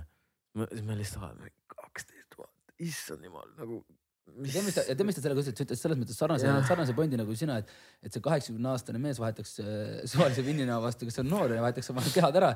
aga tema point on see, et mina äh, väärtustan oma und. jah yeah., eks tahtsin magada, ehk siis selline noh, kaheteistkümne tonnine noh, magamisots oli põhimõtteliselt sihuke rahulik no eks see vajab jah nagu sihukest äh, resetting ut, et et ähm, aga noh, ma ikkagi mõtleks, et see kaksteist tuhat, mul oleks nagu veidike süümekad on ju, et ma selle raha eest ma saaks, ma ei tea, mingit äh, koeri aidata või mingit heategevust teha või mitte, et ma nüüd teeks, läheks, paneks kaksteist tonni koerte varjupaika yeah., aga mulle tunduks see nagu sihuke selles mõttes overkill, et ma ei ole suutnud veel sinna faasi vaata, kus ma ei lenda viietunnise yeah. layover'iga Jordaanias. hästi-hästi mentaalne värk. sa pead saama nagu jah. eks see ongi, et ma, ma, ma tegelikult ma, ma, ma tunnen suht sama selles mõttes, et et ongi, kui nüüd siin ütleme neli-viis aastat tagasi oli noh, põhimõtteliselt ei olnudki raha, onju. et siis ongi, lähed poodi, vaatad, et ahah, see on noh, kaks-kolm eurot onju, see on noh, kõik, kõik nagu tundub kallis, vaata eriti kui ei ole raha, onju. ja nüüd, kui natukene midagigi juba tekkinud on ju, siis, siis nagu ikka sa vaatad, ma kuidagi olen nagu noh, aeg on edasi liikunud, aga mõttes sa oled ikka nagu seal onju, sa vaatad yeah., et noh, mõtled selle peale, et kuna sul ei olnud raha ja siis kui palju sa väärtustad seda, et sa ei hakka nagu kulutama mingi idiootselt palju mingite asjade peale, siis praegu ka nagu vaatad, et noh, okei okay,, nüüd see kahe, kahe eurone asi on juba viis eurot onju, siis vaatad, no viis eurot oh,, ei tea, ei tea, vaata onju, et et see on nagu hästi-hästi mentaalne ja tegelikult see nagu noh, ma saan, ma saan nagu sellest pointist väga hästi aru ka. ja, no ja see, ma arvan, see raamat lõi minu jaoks selle nagu hästi selgeks, et seal oligi näide sellest, et tal oli mingi sõber, kes oli poolteist miljardit net worth ja kes siis ikkagi üritas nagu kuidagi mingeid allahinnatud kaupu poest osta onju, et nagu et sa jääd sellesse. mõtle, mõtle venna väärtus mingi poolteist miljardit, sa pead temaga kaup, ta tuleb sinuga kauplema ka veel. aga selle nagu paradoks on jällegi see, et äh, nagu selleks, et sul tekiks see poolteist miljardit, sa pead ikkagi olema alguses selle mindset'iga nii-öelda see delaying gratification, et ähm, ja sellepärast noh, nad ongi natuke friigid on ju, et Warren Buffett ju siiamaani ikkagi sööb oma McDonaldsis ja elab oma selles majas, kuigi ta võiks nii palju mingit muud kinnisvara yeah. osta ja nii edasi, et. ta vist on nii vana mees ka, et ta isegi ei tunne, et tal oleks vaja midagi muud vist. minu jaoks oli üllatus, neil oli naisega oli sihuke puhkemaja Lagunas, Californias ja et äh, kui naine ära suri, siis ta müüs selle maha, et noh, et tundus nagu, et miks sa üldse näed vaeva, et seda müüa on ju, et äh, mingi kuus-seitsesada tuhat dollarit yeah., et aga et ta on nagu hästi ratsionaalne selles mõttes, et ta ütles, et kuna ta ise seal ei käi, et siis ta ikkagi müüb selle ära, et mis ta hoiab seda mm.. sa mainisid, et sa käid äh, koolides ka hästi palju jutustamas, rääkimas. mis on võib-olla need noh, sellised kõige tähtsamad sellised põhitõed, mida sa nagu siis koolilastele õpetad ja mida, mida võib-olla lapsed ei tea ka ja alles siis, kui sa neile räägid, nad on mingi suurte silmadega, ahah, mm, et niimoodi käivad asjad, mis, mis võib-olla need põhitõed on, mis sa räägid neile? tegelikult nii palju enam ei käi ka, aga meil seal Southwesternis oli selline diil, et äh, põhimõtteliselt äh, meil need müügijuhid käisid iga aasta oma kodukoolis ja kuna meil nüüd oli igast põhimõtteliselt Eesti koolist, et siis laias laastus ja mina andsin siis neile neid rikkaks õpikuid, et jagati, keegi teine käis rääkimas ja jagas seda sõnumit ja raamatut. aga mul endal on jah pikalt kraapinud see, et, et hästi palju noored küsivad, et kuule, et kas ma peaks ostma Tesla aktsiat või Apple'i aktsiat või et mul on siin sada eurot säästetud sünnipäevaraha onju. et kui me tegime seda eelmist video ka, et kuhu, kuhu tuhat eurot investeerida, et ma arvan, et äh, rohkem noortele seda mõtteviisi, et tegelikult väga vahet pole, mis sa selle saja euroga teed, on ju, et noh. pigem sa võiksid mõelda, et äh, kuidas sina saaksid mingit uut väärtust luua, uut raha teha, pigem seda ettevõtlikkust arendada noortes. et äh, ma ise vaatan seda raamatumüüki ka ikkagi natuke nagu ettevõtlusena on ju. et ähm, et see, et ma oleksingi oma seda mingit esimest äh, sadat või tuhandet eurot jäänud investeerima ja ei oleks nagu rohkem sinna uut kapitali pannud, et lihtsalt matemaatika nagu ei toimi väga, on ju, et. et pigem siis võiks see sõnum noortele olla see, et äh, katsu teha nagu mõelda, kuidas mingit uut väärtust luua ja läbi selle raha teenida ja et see investeerimine on siis nagu nagu järgmine samm, et kui sul jääb raha üle sellest põhitegevusest, sa oled seal viiekümne protsendi klubis on ju, siis sa hakkad mõtlema, kuhu ja kuidas ma seda paigutan. aga enamasti minu meelest noortel on nagu vastupidi, et neil on see mõte, et mul on sota ja kuidas ma seda spekuleerin, nii et ma ei peaks tööl käima et kunagi. kuidas ma sotas saan, saaks ülikiiresti mingi kümme või sada Ja, või ja. isegi miljon teha, vaata, et et selline äh, mõtteviis on pigem pigem, sihuke jah. mm.. see nüüd ei tundu väga hea mõtteviis olevat. aga tahaks küsida? mul on äh, lihtsalt, ma arvan, et äh, inimesed, kes meid tegelikult kuulavad, on väga paljud on ilmselt selle dilemma ees hetkel, et äh, või mõtte ees üldse, et kas osta oma kodu, mitte osta oma kodu, mis on see hea aeg, mis mitte. mina lihtsalt praegu parasjagu, ma olen nüüd äh, kolm aastat äh, kogunud raha, et äh, korter, korterisse sissemaks teha, et tänasel päeval ma ostan oma korteri äh,. kas see on tänasel päeval sinu arvates hea otsus või pigem, pigem võib-olla mitte? ja see on ka üks asi, mis ma noortele näitan seda sellist külma, karmi matemaatikat, et tegelikult see korteri sissemaksu kogumine on mega raske tänapäeval. Et ma arvan, kakskümmend protsenti paned sisse või ma kümme, panen äh, viisteist protsenti. viisteist, no vist kümme, on vist miinimum on ju mingi KredExi käendusega. kui sul korter maksab seal kakssada kilo on ju, kümme prossa kakskümmend tuhat äh, ja kui sa lähed tööle ülikoolist, noh, ma ei tea, oletame, et on väga hästi, saad kaks tonni palka on ju. paned kümme prossa sellest kõrvale, mis ka on juba väga hästi on ju, paned kaks sotti kõrvale. võid arvestada siis on ju, et sa korjad sada kuud põhimõtteliselt oma sissemakset. mis see siis on, mingi kaheksa aastat või? Mhm. Ehm, kaheksa aasta pärast on nagu hinnad veel kõrgemad, on ju. ehk siis äh, see oli ka üks põhjus, miks, kui mina värbasin USA-sse raamatumüüjaid, et siis ma alati ütlesin, et tegelikult äh, tasuks teha seda mitu suve, on ju, et esimene suvi sa nagu saad seda inglise keelt ja kogemust ja nuttu, on ju, aga et see raha tuleb ikkagi hiljem. ja et võtta eesmärgiks, et sa kogud selle korteri sissemaksu, on ju, et ja noh, mul on hästi hea meel ka, et päris paljud tudengid on läbi selle saanud selle kodu endale kergemini ja see ei pea raamatupükk olema, mul vend käis Uus-Meremaal tööl näiteks on ju, või kus iganes, aga mingis välismaa siukene hardcore. Et sa kahe-kolme-nelja suvega paned raha, raha kõrvale. aga et muidu jah, ma arvan, hea mõte oma kodu osta, et me esimese kodu abikaasaga ostsime, ostsime cash'is välja, et ma nagu kuidagi hullult kartsin seda pangavärki, et see oli vaata kaks tuhat kümme, siis oli just äh, kriis. kriis ära olnud, on ju, mingi inimestelt olid kodud ära võetud, et kui me seda käisime ostmas, siis seal oli nii, et äh, need, kes meile müüsid, jäid veel pangale võlgu pärast seda nagu ostutehingut, et põhimõtteliselt mingi vanaema oli kaasas, kes pidi siis oma kodu omakorda käenduseks panema, et Mm. mm. mul on nagu hästi meeles see sihuke emotsioon seal notaris, et põhimõtteliselt pisarad olid silmas seal kõigil ja sihuke suhteliselt ebamugav olukord oli Mhm. et, et selles mõttes äh, ma nagu kinni ei tõmbaks ennast äh, selle laenuga, aga, aga teisalt on jällegi kodulaen kõige odavam laen on ju kõige pikemaajalisem, et me nüüd oleme äh, kolmteist aastat olen seal Sakus elanud, ma vaatasin, mul on see kodulaenu jääk mingi seitsekümmend viis tuhat ja noh, okei okay,, nüüd on intress tõusnud, ta vahepeal läks kõrgemaks, aga mingi aeg oli nii, et äh, põhimõtteliselt intressiosa oli seal mingi kolmkümmend, nelikümmend eurot kuus ainult, et et selles mõttes on ta ikka oluliselt soodsam kui üürimine ja, ja mul on portfellis üürikortereid ka, et siis on omakorda naljakas vaadata, et ma just uuendasin, kui ma seda raamatut uuendasin, siis me vaatasime need numbrid uuesti üle. Et põhimõtteliselt me oleme üüridest teeninud juba poolteist korterit tagasi nagu äh, kümne aasta jooksul on ju. ehk siis äh, kui sa üürid kogu aeg, et siis äh, sul ei tekigi seda mingit säästu või vara. et ma arvan, kui keegi tahab üürida ostmise asemel, siis ta peaks nagu sundima ennast kõrvale panema sama palju raha, kui ta muidu äh, pangale maksaks, on ju et lisaks üürile panema siis kogu aeg natukene kõrvale ka. no mina näiteks ise isiklikult, kui ma vaatan endale seda korteri ostu praegu onju, et, et minu jaoks see korter, kui ma ostan esimese kodu endale, siis ta peab olema kindlasti nagu selles mõttes likviidne, et, et mul on seda võimalik põhimõtteliselt kohe ka realiseerida, see ei ole kodu, mis jääb mulle elu lõpuni vaata. Yeah.. et ma olen kahekümne kuue aastane, ma ei osta endale hetkel ju elu lõpuni kodu. minu jaoks, minu korter on väga hea linnavaatega äh,, kaheksandal korrusel, suurte akendega ja, ja ongi nagu mul on seda lihtne realiseerida, kui mul on vaja. et mina arvan, et nagu võib-olla see võiks olla mingisugune mõte inimestele ka, et sul on seda hea no meil oli sama, et me jätsime selle pärast üürikorteriks, kui me majja kolisime ja et ta tootis nagu sellist esimest üüri, mis oli iseenesest äge. ja noh, me ostsime ka tegelikult liiga suure, et ma arvan hästi, meil oli just laps sündimas on ju, et paljud teevad selle vea, et või vähemalt meie tegime, et mõtlesime, et meil ongi laps, lapsetuba ka vaja on ju, et beebi tuleb.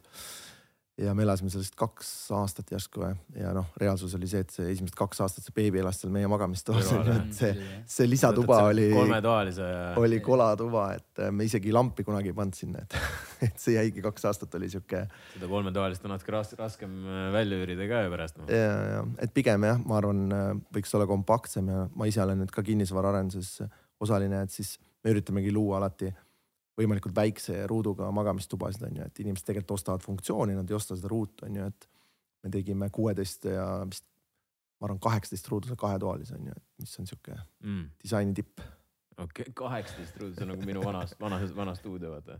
Äh, ma kunagi olen, ma elasin Tartus kunagi korteris, mis oli üheksateist ruutmeetrit mees, ma mõtlesin, et ma lasen ennast maha aga see ei olnud kahetoaline see ei, ei olnud kahetoaline. see oli, see oli ikka crazy, aga mulle praegu, mul tegelikult nagu praegu tekivad kilomeetrid, see oli õudne aeg.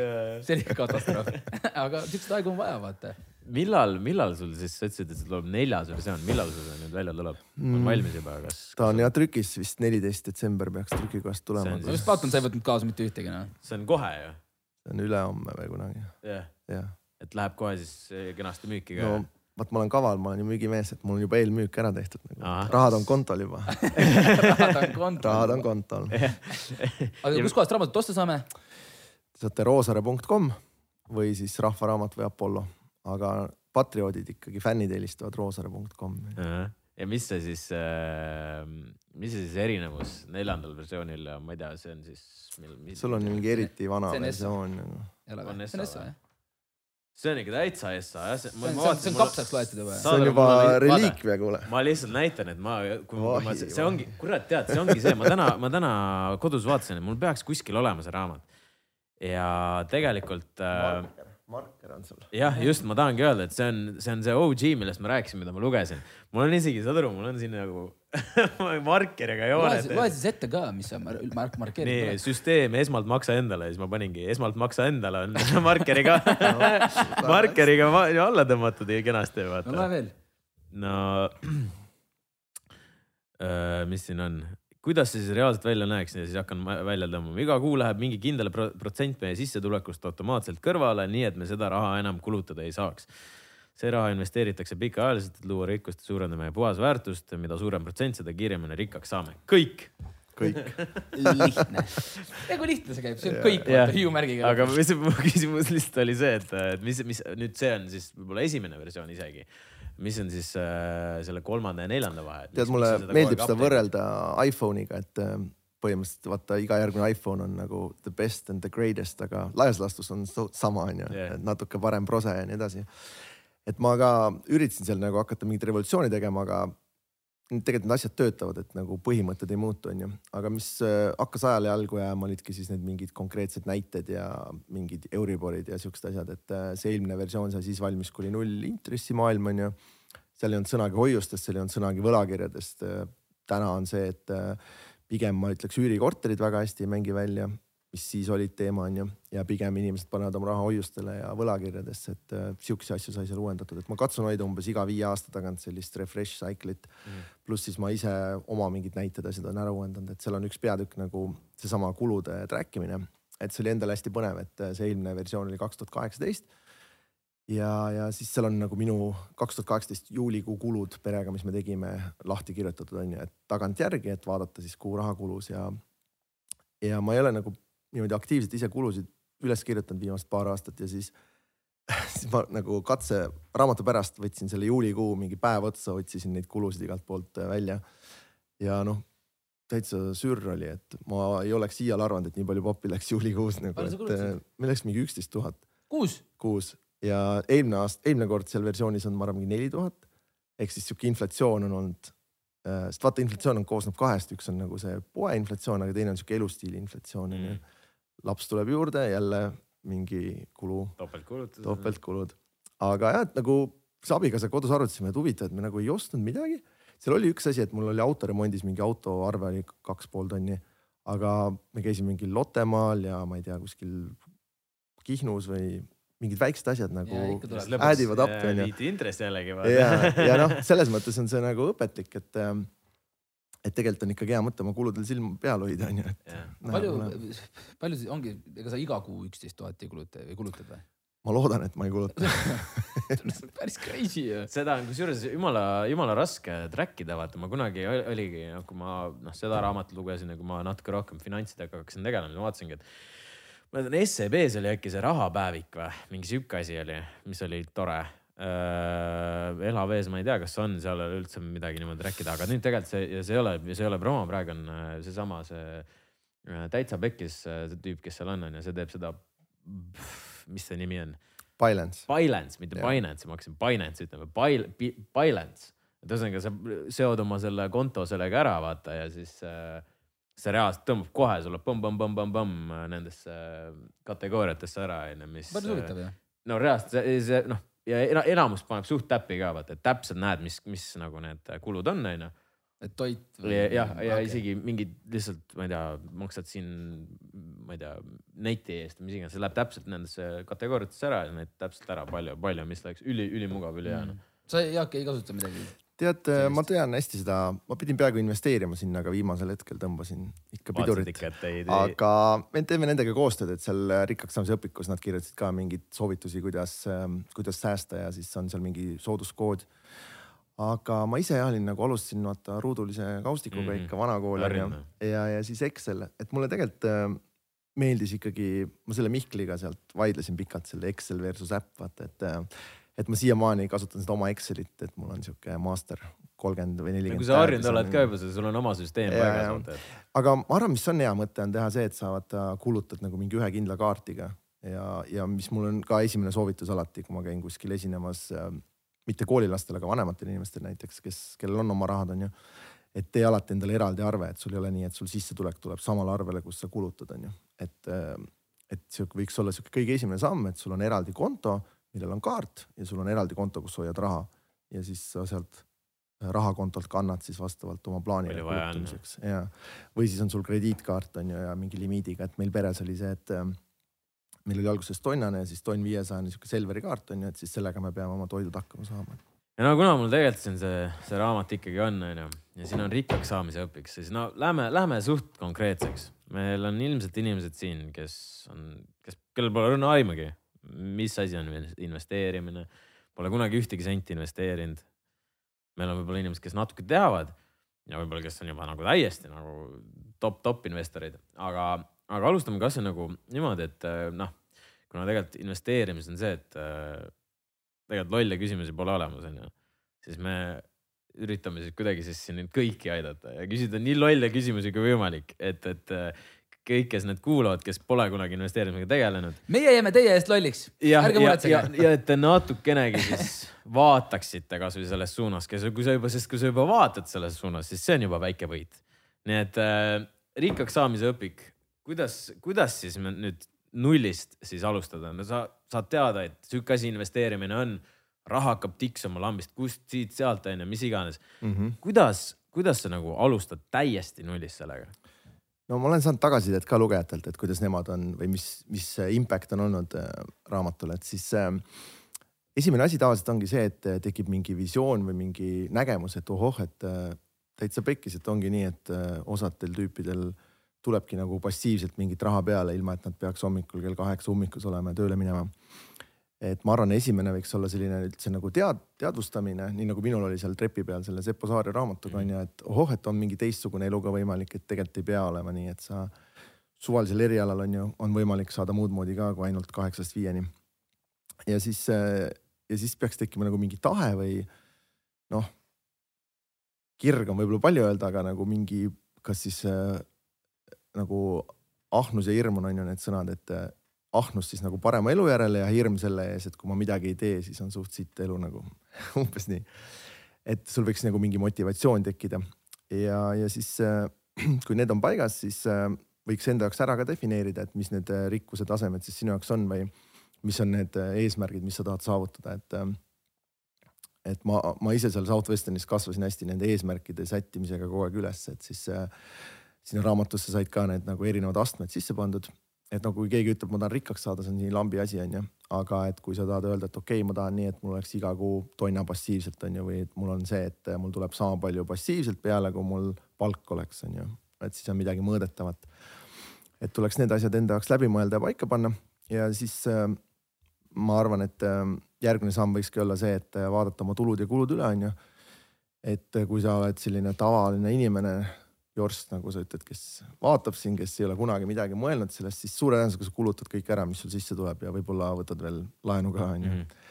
et ähm, ja noh, seal ei ole nagu kahjuks mingit sihukest saladust või mingit hullu rocket science'it, et sul tuleb sisse, sul läheb välja, onju. kui nad praegu on võrdsed, mulle tegelikult meeldib võrrelda kaalu langetamisega onju, ma näen rõnka vaeva siin oma kilodega, et see on mm -hmm. nagu suht sama teema, vaata, et mega lihtne, söö vähem, liigu rohkem, onju. praktikas nagu lõbo. ei ole raisk, ei ole nii lihtne, onju, et äh, tahaks rohkem süüa, vähem liikuda. aga et laias laastus on nii, et sa pead siis ikkagi rohkem äh, kaloreid kulutama, kui sa sisse sööd, onju, ja rahadega on siis samamoodi, onju, et sa pead rohkem raha sisse tooma, kui sa välja lased ja, ja sa saad mõlemat poolt kontrollida ja hästi sageli vaieldakse ka, et kumb siis tähtsam on, et kas peaks kulusid äh, jälgima või tulusid. et mulle endale meeldib nii mõelda, et esimese asjana võiks tulud või kulud üle vaadata, onju. Et kas siis panna kirja või mingi äpp või whatever, aga et sa tead, kust su raha läheb ja kust seal kärpida saaks. aga siis ei tohiks sinna kinni jääda, et hästi paljud jäävadki onju sinna kuludesse kinni, et, et noh tegelikult ei ole rikas elu see, kui sul on kuus sotti kuus on ju ja sa paned sealt pool kõrvale ja elad kolme sotiga on ju, et noh ema keldris on ju või kus iganes. et sa tegelikult tahad mingit elustiili saada ja siis, kui sul on need kulud on nagu kirjas või mõõdetud, siis äh, mõtle, kuidas sa oma tulusid saaksid suurendada, onju. ja enamikel inimestel võiks olla mingi lisatöö või mingi lisaasi. Äh, või siis oletame, et sa oled mingil erialal, kus sa saad nagu ronida, onju, et. Ähm, ja, ja siis äh, ma võtakski siis selle eesmärgi, et ma saaksin siit vähemalt noh, alustuseks kümme protsenti, aga ikkagi tahaks viiekümne protsendi peale jõuda et kas ma siis kärbin täitsa kulusid või ma lükkan järjest tulusid ülesse kuni, et see on üks teekond, onju. Ja teine variant äh, on siis see, et sa ütled, et kurat, see on nagu mega aeglane, et ma hakkan pigem ettevõtjaks, onju.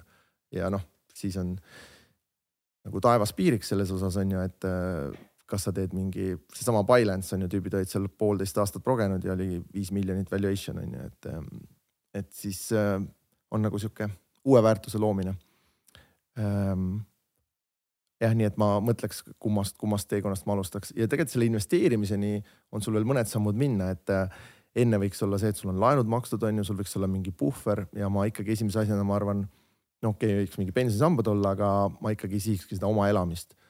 et äh, ma arvan, see on üks nagu kindlamaid investeeringuid, et ma mäletan, kui ma aktsiaid ostsin, siis ema-isa olid, eriti ema oli nagu sihuke, et no mis sa jahmerdad nendega, et sihuke virtuaalne värk on ju. kui ma esimese korteri ostsin, siis oli see, et okei okay,, poeg on nüüd korras, et uh, arrived. aga kas see on natuke, kas sa ei arva, et see on natuke juba selline outdated värk, et sa, et sa, sul, sul on see oma kodu ja kõik nagu kuidagi sihivad seda oma kodu? no selles mõttes ilmselt äh, olen ka nõus jah, et äh, ta nagu seob sind natukene mingi asjaga, aga nii nagu Robin rääkis, vaata, et ta võiks olla sihuke likviidne või üüritav on ju, et, äh, et ta on ikkagi mingi vara, mis sulle alles jääb. et ähm, teoorias sa võiksid ju indeksfonde osta või ma ei tea, mingit aktsiaid või mis iganes, aga kuna sa nagunii kuskil elama ka pead, et siis ma arvan, see oma kinnisvara on ikkagi sihuke äh, hea esimene samm. ja noh, ta ei pea olema siis selline, et sa nagu ostad mingit äh, üle oma võimete mingit äh, suurt asja, aga mm. muidu on nii, et äh, aastad lähevad mega ruttu, onju. ja siis vaatad, et nagu mingi kümme, kakskümmend aastat koolist möödas ja lööd kokku, mis papi sa oled kõik üüriks maksnud, on ju, et samal ajal oleks sul juba tegelikult see korter olnud, et mul just sõbral oli see hetk, et tal oli kahekümne aastane kodulaen ja just sai makstud nagu, et põhimõtteliselt sa ei pane tähele seda igakuist makset eriti, see on enam-vähem sama, mis üür on ajalooliselt olnud. ja noh, ühel hetkel on sul see korter oma. võib-olla praegu konkreetsel ajal on niisugune, et üürnik, üürid on nagu mõnusam, et ma vaatan, et äh, mul see laenumakse korteritel on selline, et üür on isegi soodsam, on ju, et aga ma arvan, pikemas perspektiivis kui sa üürid, sa peaksid nagu enne ka rääkisime, et sa peaksid mingi osa raha siis eraldi kõrvale panema mm, -hmm. aga enamasti inimesed seda ei tee, onju, et nad löövad laiaks lihtsalt selle mm. -hmm. Uh, nüüd ma kujutan ette, et onju, mina olen jälle kaheksateist, mul on see õpik ees siin onju uh,. aga samas nüüd sina istud mul, mul siin kõrval ja nüüd võib-olla selline küsimus, et ma olen jälle kaheksateist, mida sa kui nii-öelda noorele poisile kaheksa, kes on kaheksateist, kes õpib veel koolis, mida sa talle ütleksid, et uh, nii Äh, poiss, nüüd äh, rahadega käivad asjad nii ja mis on võib-olla need soovitused, kuidas võib-olla need esimesed, esimesed sammud äh, ära teha? ma arvan, et esimene oleks see, et sa peaksid leidma oma selle valdkonna, mis sind huvitab, onju. ma ei tea, kuidas teie siia valdkonda sattusite, minul oli õnn, et ma lapsest peale nagu armastasin seda investeerimise ja numbrite värki. aga mis iganes teema sind huvitab, on ju, et äh, mõelda välja siis, mis, mis see karjäär sul seal võiks olla, on ju. Ja, ja siis saada selles asjas väga heaks ja sellega tegeleda, et kui ma olen koolides käinud ka rääkimas suht või noh, saan sellest aru, aga ikkagi nagu kurb on vaadata, et hästi paljud ei tea, kaksteist klass veel, mis neid üldse huvitab, on ju. et äh, ikkagi katsuks leida selle oma huviala ülesse ja sinna keskenduda. ma arvan, see võiks olla number üks, sest noh, tegelikult kui sa mõtled äh, esimesed paarkümmend aastat investeerimises, see kasv tuleb sellest rahast, mis sa ise sinna sisse paned mm., et see liitintress kikib sulle kuskil viieteistkümnenda, kahekümnenda aasta juures. Ja siis nagu asjad pöörduvad pea peale, on ju, et siis on nii, et ei ole enam väga palju oluline, mis sa ise sisse paned, see liitintress möllab seal.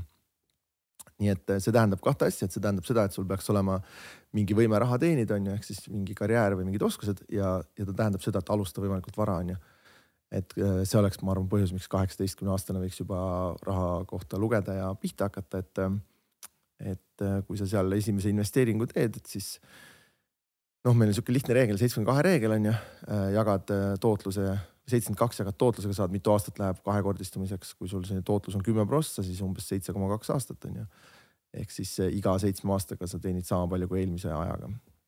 nii et kui sa hakkad kaheksateistkümneselt pihta, siis sa saad oluliselt Äh, suuremaks seda summat kasvatada kui keegi, kes hakkab kolmekümneselt või neljakümneselt. ja tegelikult see on väga palju läbi käinud, et äh, noh, see, et Katri, seesama video, mis me koos tegime, siis äh, Katri, Katri Teller ütles ka meile, et see on nagu nii äge, et me sellist asja nagu tegime, et tema jaoks on nagu nii oluline see, et, et inimesed hakkaksid võimalikult vara selle asjaga pihta. et tema alustas nagu, kas ta ütles kolmekümne viieselt või? kolmkümmend pluss oli jah. jah mm -hmm., midagi üle kolmekümne, et kui me oleme tänasel päeval kakskümmend kuus on ju siis ja meist, meid vaatavad veel nooremad ja veel natuke vanemad inimesed ja veel vanemad, et noh, et noortel oleks võimalus alustada, et nad alustaksid võimalikult vara, et see on oluline mm. -hmm. et, et äh, võib-olla jah, sina, kes sa oled meist noorem, tee seda, lihtsalt alusta kuskilt ma arvan, võib-olla nagu sa, sul on küll palju suurem võimalus. et ongi, kui, siis kui, kui sa oled kaheksateist ja kui sul nagu okei okay,, oletame siis, et noh, et sa võib-olla ei tea, onju, mis su see nii-öelda huviala veel on, sa mõtled, et tegelikult võiks ülikooli minna, onju et kas ta siis nagu see, see võib-olla mingi lisaraha, kus ta kuskilt noh, kasvõi vanematelt saad või noh, kuskil lähed mingi teed töö otsa, kas ta siis selle peaks nagu kuskile nagu juba vaikselt panema või lihtsalt noh, no mingi a la indeksisse kuskile või lihtsalt natuke koguma äh,. siis vaat-, vaatame mingi noh, nii-öelda koguma nagu algkapitali mingisuguse ettevõtluse jaoks mingisugune noh, a la on ju või mis, mis see nagu kus, kus need summad ei ole, vaata ilmselgelt yeah, väga suured kaheksateistkümne aastastel. no mul endal hästi joppas, sest mul oli, vanemad olid suhteliselt vaesed ja siis äh, Ehm, mu ema laenas minult raha eh, suvel, et õpetajad suvel vaata raha saab otsa, see palgapäev ei tule suvel mm, -hmm. et. Ehm, ja, ja siis ehm, vist laenasin ma emalt kümme või kakskümmend krooni ja ma sain siis intressiga tagasi mhm. ja see oli sihuke esimene passiivne sissetulek mingi kaheteistaastaselt onju. aga ma arvan, see on hästi hea mõte, et ma, kui mina oleks lapsevanem, siis ma pakukski oma lastele võimaluse, et ja mul sõbrad on teinud ka seda, et nad saavad nagu anda laenu oma vanematele onju ja teenida intressi et võib-olla esimesed paarsada eurot ma investeeriks nii, et annaks vanematele laenu ränga intressiga ja kogeks seda tunnet, kui aga kui, kui, kui vanema, vanemal ei ole vaja seda no küll ta hakkama saab nagu, et äh, võtku seda nagu siis laste hariduse nimel. Ähm, või siis jah, kui vanematel ei ole vaja, siis võib minna kuhugi ühisrahastusse või osta, me ostsime lastele neid LHV võlakirju on ju, et teeb sama välja. aga ühesõnaga, et äh, sa kogeksid seda passiivse sissetuleku mõnu nagu võimalikult varakult et äh, lapsele, ma arvan, see jääb nagu ägedalt meelde, et, et vau wow,, et ma ei pidanudki otseselt midagi tegema, et tuli see raha nagu niisama, onju. Mhm. teeme kõikidele nüüd äh, algusest lõpuni selgeks, mis on liitintress mm.? noh, seleta. No, no, mina pean seletama. no laias laastus äh, kolm varianti on ju, kus sa kogud lihtsalt raha, et laps saab sünnipäevaks papi, paneb sahtlisse mul oli see enda rahapäevik, kui ma üheksakümmend kaks äh, hakkasin taskuraha saama, siis ma olin ostnud Mikk Hiire, maksis kaks krooni viiskümmend senti, vaatasin, praegu on kolm eurot viiskümmend senti, sama Mikk Hiir on ju. ehk siis inflatsioon on selle kahekümne aastaga, kolmekümne aastaga ära söönud seal viisteist korda seda raha väärtust.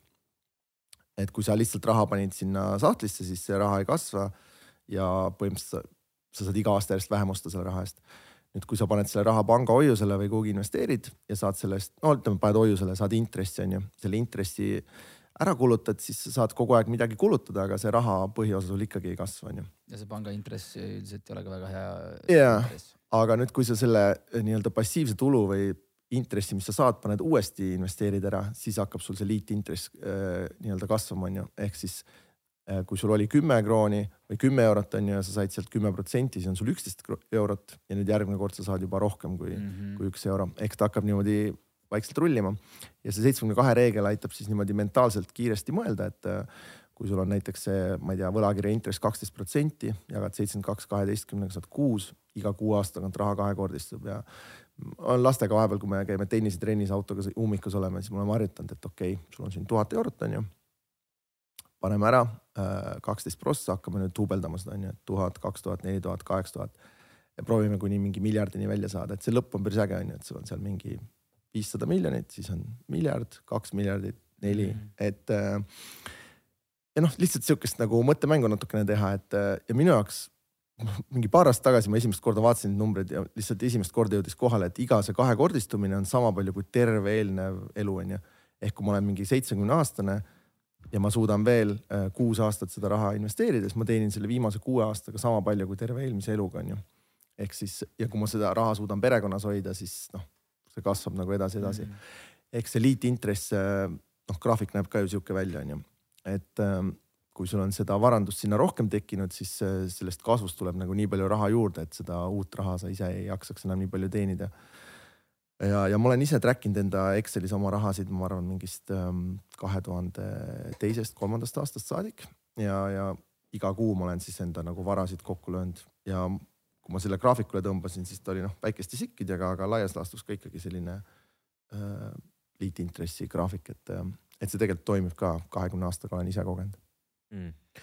oletame, oletame nüüd, et äh, on sul sihuke noh, kakskümmend, peaaegu, peaaegu kolmekümne aastane tüüp on ju, pere, väike laps äh,. võib-olla teenib sihuke noh, seal miinimumpalga ja keskmise palga seal kuskil seal ütleme vahepeal on ju, et noh ja kui nägu läks ära juba selle peale. jah, ole, oletame sihuke olukord lihtsalt, et noh, võtame need kõik noh, natuke ekstreemsemad näited on ju, et see ei pruugi olla nii ekstreemne isegi. ei, ma mõtlengi, et selles mõttes, et äh, kuidas nagu just see perekond võiks äh, vaadata selle nagu investeerimissuunas, sest tegelikult kui sa oled sihukeses olukorras, sul ilmselt enamus palgast on ju läheb noh, nii-öelda perele ja ma ei tea, üürile, mis iganes seal need kulud on, on ju.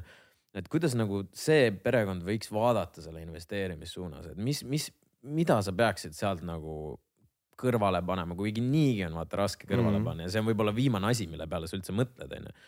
Et kuidas nagu see, see võiks äh, investeerimise peale mõelda? ja see on ka kõikide lemmikküsimus, et mul nagu nii väike palk, et kuidas mina rikkaks saaks, onju mitte aga... isegi rikkaks, lihtsalt, et sa saaksid endale nagu kasvõi selle käima noh. ja, aga eks ta ongi nagu raske vaata, et äh, selle käima saamine, palli veerema saamine ongi kõige raskem osa, et mina olen hästi tänulik, et ma tegin selle enne, kui olid lapsed ja kohustused onju ja eks see ongi, et see nõuab mingeid ohvreid, vaata, et sa pead siis kas mingi lisatöö võtma, onju, ähm, mis tuleb ilmselt pere arvelt siis onju. või siis proovima kõrgemat palka saada või teha mingit Kalevipoega kuskil välismaal. et kui ma ise oleks selles olukorras, siis ma kujutan ette, et ma ikkagi teeks mingit Kalevipoja stiilis asja, et. Läheksid välismaale kuskile? jah, et ma läheks, ma otsiks endale esiteks nagu tulemustasuga töö ja ilmselt kuskile, kus on kõrgemad palgad kui Eesti. noh, tänapäeval ei ole see nii hull, onju, aga kui mina ise alustasin, et siis oli see nii-öelda sissetuleku vahe USA-s ja Eestis oli nii metsik. et ähm, täna kusjuures ei ole väga vahet, kui me neid suitsualarme müüsime, meil teenisid Eestis tüübid rohkem kui USA-s, et tegelikult oli mm., on suht sama, onju. aga ühesõnaga ma paneks ikkagi hullu, et saada seda nagu tsüklit käima ja teine koht, kus sa saad siis hullu panna, on see, et sa näiteks müüd oma autod ära, onju. et sa kill'id ära mingid siuksed suuremad kuluallikad. mul on olnud mingid nagu, keda ma olen nõustanud või kes on kirjutanud, kus on mingid kiirlaenuvõlad olnud kaelas on ju, et siis mõnikord on nii, et sa kolidki oma vanemate juurde on ju, elad seal keldris ja noh, ongi sitt elu on ju. võtad nagu sammu tagasi noh. nojah, et selleks, et sa saaksid, eriti kui sul on need mingid laenud ka kaelas, mis sul söövad vaata seda ära on ju, et sa pead sellest tsüklist väljamurdmiseks ikkagi siis midagi radikaalset tegema, et kas sissetulekut suurendama või kulusid vähendama, et seal ei ole nagu sihukest maagilist lahendust on ju, et loed mingi raamatu läbi ja siis aga tihtipeale on see, et inimesed ei ole nõus nagu jah, nagu sa ütlesid, et keegi läheb ema juurde keldrisse tagasi, on, et tihtipeale inimesed ei ole nõus selle, selles elukvaliteedis nagu drastiliselt alla andma mm, -hmm. nagu loobuma. et nad pigem valivad selle hea elu sita sissetulek, nagu sita sissetuleku juures, vähem jääb kätte, kui teen sammu tagasi ja, ja, ja nii-öelda endaks, endale jääks rohkem kätte vaata. ja no eks see ongi igaühe valik ja igaühe enda saatus ja tegemine ka ja noh ma ei ütle, et see on nüüd õige valik on ju, et võib-olla ongi mõistlikum see, et sa elad oma chill elu ja sa ei peagi nagu midagi radikaalset tegema. aga noh, näiteks sama kehakaaluga ma tunnen sama asja on ju, et kui ma lihtsalt nagu üritan niimoodi tavaelu juures alla võtta, siis ain't gonna work on ju, et noh ma söön mingi saiakese hommikul, siis teen õhtul õlled on ju, et see ei, see ei juhtu niimoodi, et ainuke variant on see, et ma kas panen täiega trenni juurde või ma tõmban sööki vähemaks, et ma, ma ei tea, jätan õhtusöögi ära või midagi, et lihtsalt iseenesest äh, iseenesest lähevad perse asjad on ju, et midagi hästi tavaliselt ei lähe iseenesest mm. -hmm. ehk siis äh, tal peabki olema natuke sihuke valik, ma arvan, et see on oluline, et see abiga või elukaaslased oleksid nagu ühel lehel on ju selle teemaga. ja ma ideaalis teeks seda enne lapse, lapsi on ju, et äh, mul endal kolm last, et nagu laste kõrvalt noh, seal on mingid kulud, vaata, sa ei saa lapsele öelda, et sorry, et äh, tule ära jalkast on ju või midagi, et ähm.... sa tahaksid taksi osta täna aga ma arvan, see investeerimine nagu ei puutu üldse siin nagu veel väga yeah. mängu on ju, et, et see tegelikult ähm, et see on nagu pointless on ju, et sa mingi hullult näed vaeva ja siis võtad oma säästetud sada eurot ja paned selle kuhugi krüptosse või börsile on ju, et mm., et pigem sul võiks olla see, et sul on mingi väike puhver on ju. Äh, ja noh, siis on see mingid pensionisambad ja kõik siuksed asjad aga ikkagi kiirtee selle asja juurde on mingi parem sissetulek, et äh, kas siis nagu karjäärivahetus või, mulle hästi meeldib Kristi Saare, vaata Instas jagab mingeid äh, success story sid nagu kuidas inimesed äh, oma palka on juurde küsinud või mingit tööd vahetanud, et. Ähm, et jah, midagi säärast peaks mõtlema mm. -hmm. ütleme, et noh, et inimene sihuke enamus meist ei jõua võib-olla jälgida onju näiteks mingeid üksikaktsiate asju ja täpselt, mis seal toimub selles, selles äris ja mingid muud teemad onju, et. et mida siis nagu see täiesti tavaline investor, mida, mida ta võiks siis endale osta, mis suunas ta võiks äh, vaadata? no tegelikult äh, sihuke raamatutarkus ongi see, et sul esimese asjana võiks olla siis mingi pensionifond on ju, teine sammas tiksub sul kuskil automaatselt äh, varem oli see, et okei okay,, ma panen selle raha ära, järsku ma ei elagi nii kaua, onju. aga nüüd on see, et sa saad selle ju vajadusel nagu kätte võtta, kui vaja on, onju. ja siis kolmas sammas on, ma arvan, teine popp toode. et läbi selle sa saadki indeksfondidesse panna ehk siis hajutada kõikide ettevõtete vahel, sa ei pea ise midagi tegema, saad veel tulumaksusoodustust ka, onju. et ma arvan, see võiks olla sihuke number üks valik. ja see on ka sihuke huvitav, et pff, ma ei ole endale ise väga palju palka maksnud äh,. mul ikka mingi kaksteist või kolmteist tuhat sinna tiksunud aja jooksul onju teise või kolmandasse või? minu arust mõlemas, kolmandasse ma olen teinud vist, ma arvan, mul läheb sada eurot kuus sinna või midagi Auto, sellist. automaatmaksega jah? jah, et ma need igal juhul teeks automaatseks. kuidas seda automaatmakset teha, ma tahan ka teha. see on seal väga lihtsalt kuidas siis? püsikorraldus on siuke termin. püsikorraldus, lihtsalt on seal, ongi pensioni, pensioni mingi asi seal kõrval ja siis sa paned sinna kas iga nädal või iga päev, iga nädal või mingi iga kuu või okei okay.. E, ja, et see võiks tegelikult olla esimene samm ja, ja isegi võib-olla enne pensionit lihtsalt, et sa teed selle eraldi konto, mille nimi on siis F-off boss on ju või rikkaks konto. ühesõnaga mingi. ma lihtsalt, ma lihtsalt ütlen kiiresti vahele, mul on, mul jookseb äh, OÜ kontolt ka kogu aeg kasvukontole siis äh, mingisugune sees, mul invest-, läheb sinna mingisugust, no enamasti tech, tech company'd on ju, mis, mis ta ostab, äkki sada viiskümmend eurot jookseb iga, iga nädal siis on ju. Ja siis ma olen sealt selle kirjelduse pannud sinna, et kui ta kannab üle onju, siis kirjelduses on varsti olen miljonär. Vot väga hästi. ja siis mul ükskord, mul raamatupidaja küsis, et kuule, et mis asi see on, vaata, mis, mis, mis makse see on, varsti olen miljonär. Siis ma olin, kuule, see on mu kasvukonto kanne. Vot nii peakski tegema, et seal on midagi inspireerivat onju aga jah, et sul nagu automaatselt liigub palga peal mingi raha ära, sest vaata inimestel, kui sul ei ole, siis ei ole, onju, et eh, kui sa paned selle sinna kõrvale, et, et siis tekib sinna mingi puhver ja siis saab hakata mõtlema seda investeerimist, et. sa ei pane tähele ka, et see, see, see, eriti automaatmaksega, ma olen ka nagu noh, OÜ-ga samamoodi, et kui läheb maha, sa, sa nagu sa ei, sa ei, sa ei pane tähele, et hoopis äh, midagi on nagu äh, noh läinud, siis see kuidagi kohe läheb kuskile. noh, ma tean, et see läheb heasse kohta selles mõttes. no see on seesama põhimõte, see, et esmalt maksa. tegema midagi, midagi nagu selle jaoks otseselt. maksa esmalt endale on ju, et see esimene makse pärast palgapäeva võiks minna su enda rikkaks saamise kontole automaatselt, siis on juba suur samm tehtud mm mis mis see, räägi täpsemalt läbi, et kuidas see siis viiekümne protsendi klubi, et sa oled hästi palju seda rõhutanud, sa oled siin selles raamatus tagaküljel oled ka öelnud, et sa oled klubi, klubi liige aastast kaks tuhat kaks, et kuidas Äh, kuidas, kuidas see nagu asi täpselt käib ja mis, mis selle jaoks nagu siis jälgima, jälgida tuleks? no ja, iseenesest ongi nii, et sul laekub kaks tuhat palk ja automaatselt läheb tuhat minema.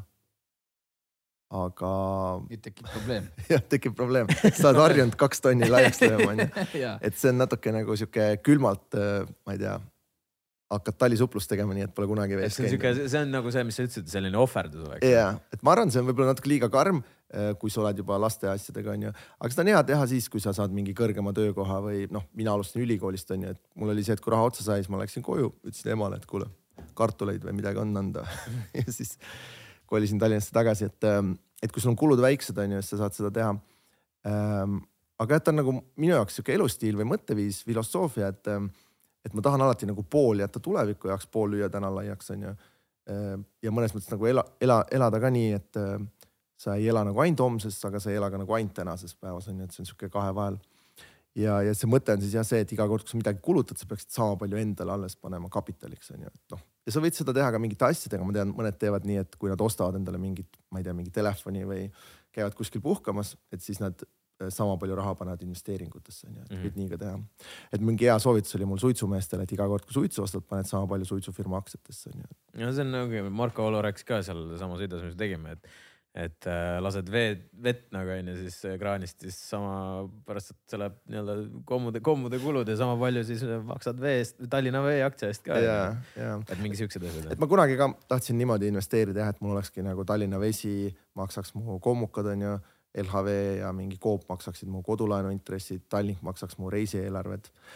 aga noh, seal nagu häda on see vaata, et äh, tegelikult ei ole seal nagu mingit majanduslikku põhjust, miks peaks olema nii palju ühes või nii palju teises firmas, et ma arvan, lihtsam on osta lihtsalt indeksfondi ja mitte üle mõelda neid eraldi Mm, aktsiaid. siuke ta, tavainvestor pi- pigem ongi need, nagu sa ütlesid, teine-kolmas pensionisammas ja siis, kui ma ei tea, noh, ilmselgelt investeerida on parem muidugi vaata ettevõtte konto alt mm,. võib-olla kohe, kohe küsida, et ähm, kohe inimesed mõtlevad, et miks, miks see on parem, et miks mm. -hmm. miks on siis parem OÜ pealt investeerida, kui siis see, kui eraisiku konto pealt. no aktsiatesse võid eraisikult ka panna, et lihtsalt pead tegema siis selle tulumaksusoodustusega konto. aga see OÜ on siuke põnev asi, et ma mõtlen oma tuttavate peale, kes on nagu miljonärid või rikkad, et siis ähm, ma ei tea nagu väga kedagi, kellel ei oleks OÜ-d, et isegi mul on paar tuttavat, kes on nagu loteriiga võitnud, et äh, äh, on jopanud, onju, et ähm, et siis samamoodi nad on ikkagi OÜ teinud endale, et, et ma arvan, et, et see võib olla ka niipidi, et kui sa teed endale OÜ-s, sa saad ka rikkaks, nii et, et ma soovitaks ikkagi kõigil varem või hiljem oma OÜ teha. ja, mind ennast see nagu, mul oli OÜ enne, kui mul oli mingi business on ju, et et sul Et ei pea otseselt midagi nagu olema Jah. ka onju. seal on vist mingid teemad muidugi, et mis ma, ma promosin seda ja siis keegi kirjutas, et ta läks Töötukassast mingit töötu abiraha saama, aga kuna tal oli OÜ, siis talle ei makstud enam midagi säärast, et, et ma võib-olla natuke oleks ettevaatlik, aga, aga muidu laias laastus jah, et kui sul on ikkagi suured plaanid enda rahalise tulevikuga, siis varem või hiljem võiks endale ettevõtte teha ja siis hakata mõtlema, et mul on juba ettevõte olemas, on ju, siis peaks midagi tegema. Äh, lihtsalt äh, tahaks teada, Jaagu, jaoks sinu arvamust ka, et, et tihtipeale, kui me ostame mingisuguseid aktsiaid või, või, või olgu see siis krüpto või fondid, ikka vahepeal näed punaseid päevi on rohelised päevad, kui tihti sina oma, oma aktsia äh, just nagu jälgid või vaatad, kui tihti? Liiga tihti, ma arvan liiga tihti mm. mm.. -hmm. Mul on sihuke loll hobi, et ma arvan, ma iga mingi kahekümne, kolmekümne minuti tagant scroll in kõik oma pangakontod läbi, mis on lihtsalt sihuke, et mul on nagu Insta, Twitter, Facebook ja LHV Pank, et ma need neli käin nagu läbi.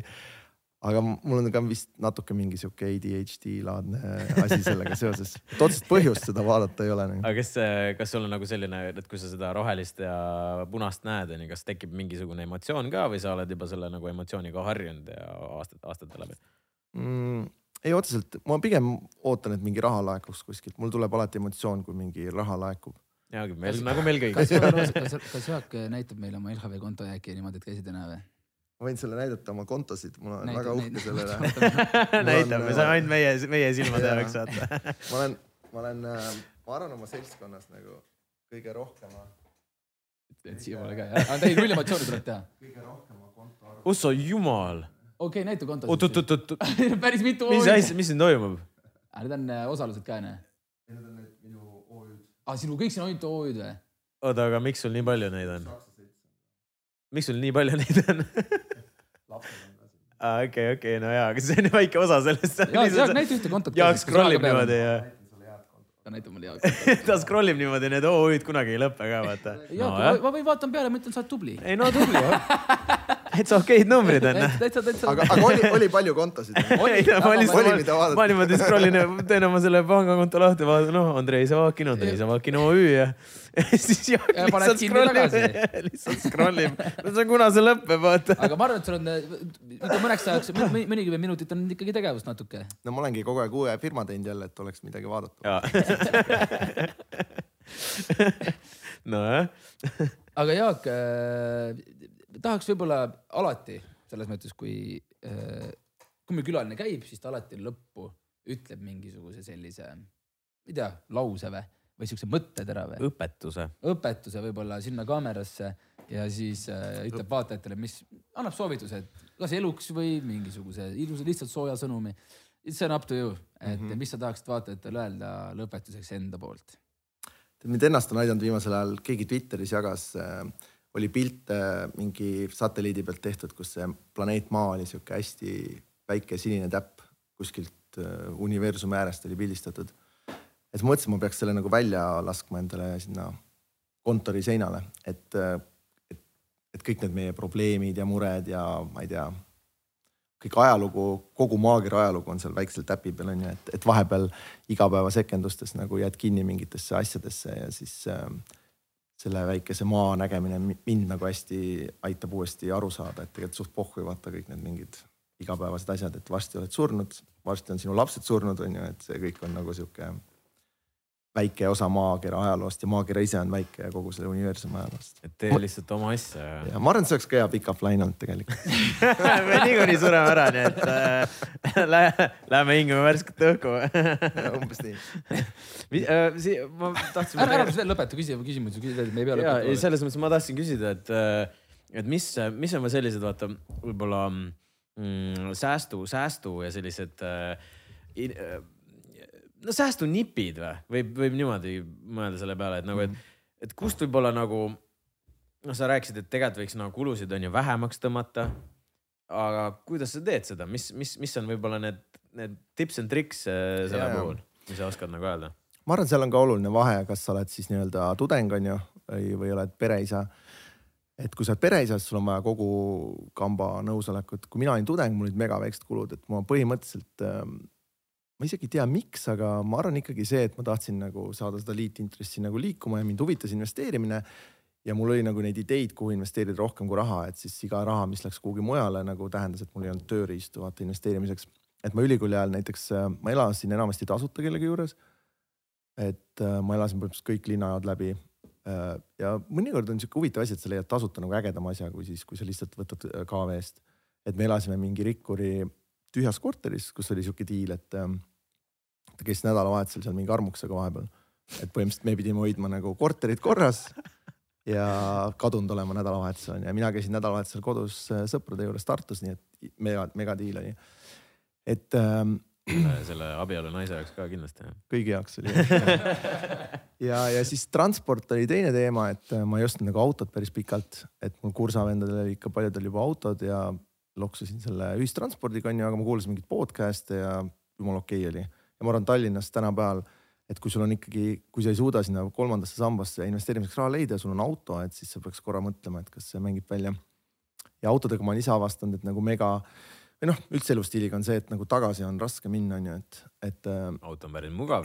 auto on mugav ei ütleks noh, ei Jaa. tahaks nagu ma ei taha teie autot enam ei tahaks, ei tahaks, ei tahaks nagu ära anda, vaata, et siis noh, siis ma mäletan, kui me läksime ühe auto pealt kahe auto peale, see oli nagu veel mugavam, vaata, et sul oli nagu noh, ei pidanud jagama, onju.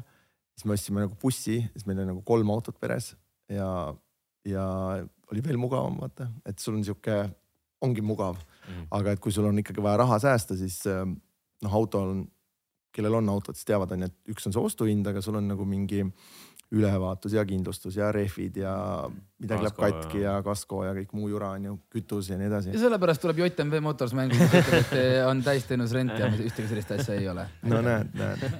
on veel see roheline kaart, ma olen kuulnud. on see ka jah, aga tead, seda vist väga ei taha kasutada noh. ta ütleb, et oma auto on ikkagi mugavam. ei, muidugi. no näed, aga ühesõnaga see, see oleks siis see selline väike, kui sul on oma auto, siis pigem mõtle selle peale, kas sul on päriselt seda vaja, kas sa saad oma asjad nagu nii-öelda selle rohelise seda- kaardiga ära tehtud seal on nagu teine variant on see, et sa umbes jätad ära need nagu inglise keeles öeldakse hästi sageli on see Starbucks on ju, et sa jätad nagu oma kohvi ära ja et kui sa iga päev jätad kolme eurose kohvi ära, siis saja aastaga on sul megapapp on ju.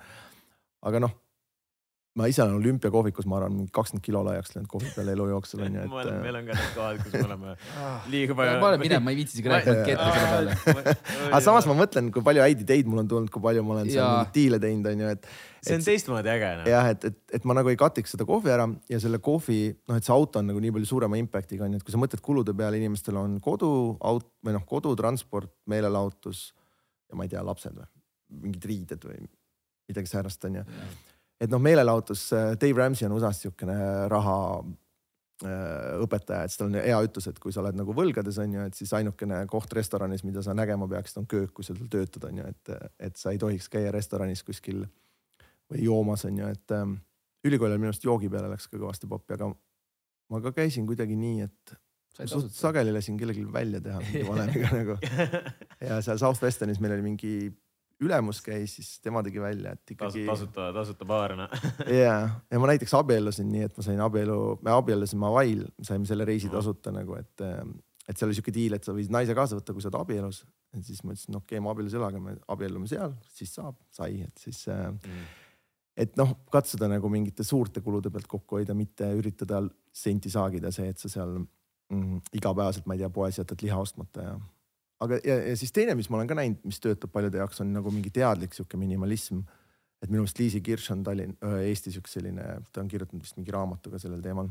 et sa teadlikult oledki vaata öko ja et me ei tarbigi midagi ja siis ka kulusid ei ole, onju et kui sa midagi ei söö, siis nojah, nojah, see küll lõbus ei ole. aga, aga siis tegelikult jõuad sinna, onju, et mille nimel sa üldse kõike seda teed, et tegelikult sa tahaksid ikkagi mingit fun'i, onju et võib-olla hoopis lihtsam on nagu sissetulekuid tõsta, mitte jääda kinni sinna kulutuste kärpimisse, et mm. teha mingi, mingi uus asi juurde, mingi lisatöö või mingi protsendiäri ja. Mul sõber ütles kunagi, et äh, ära karda suuri väljaminekuid, vaid karda väikseid sissetulekuid.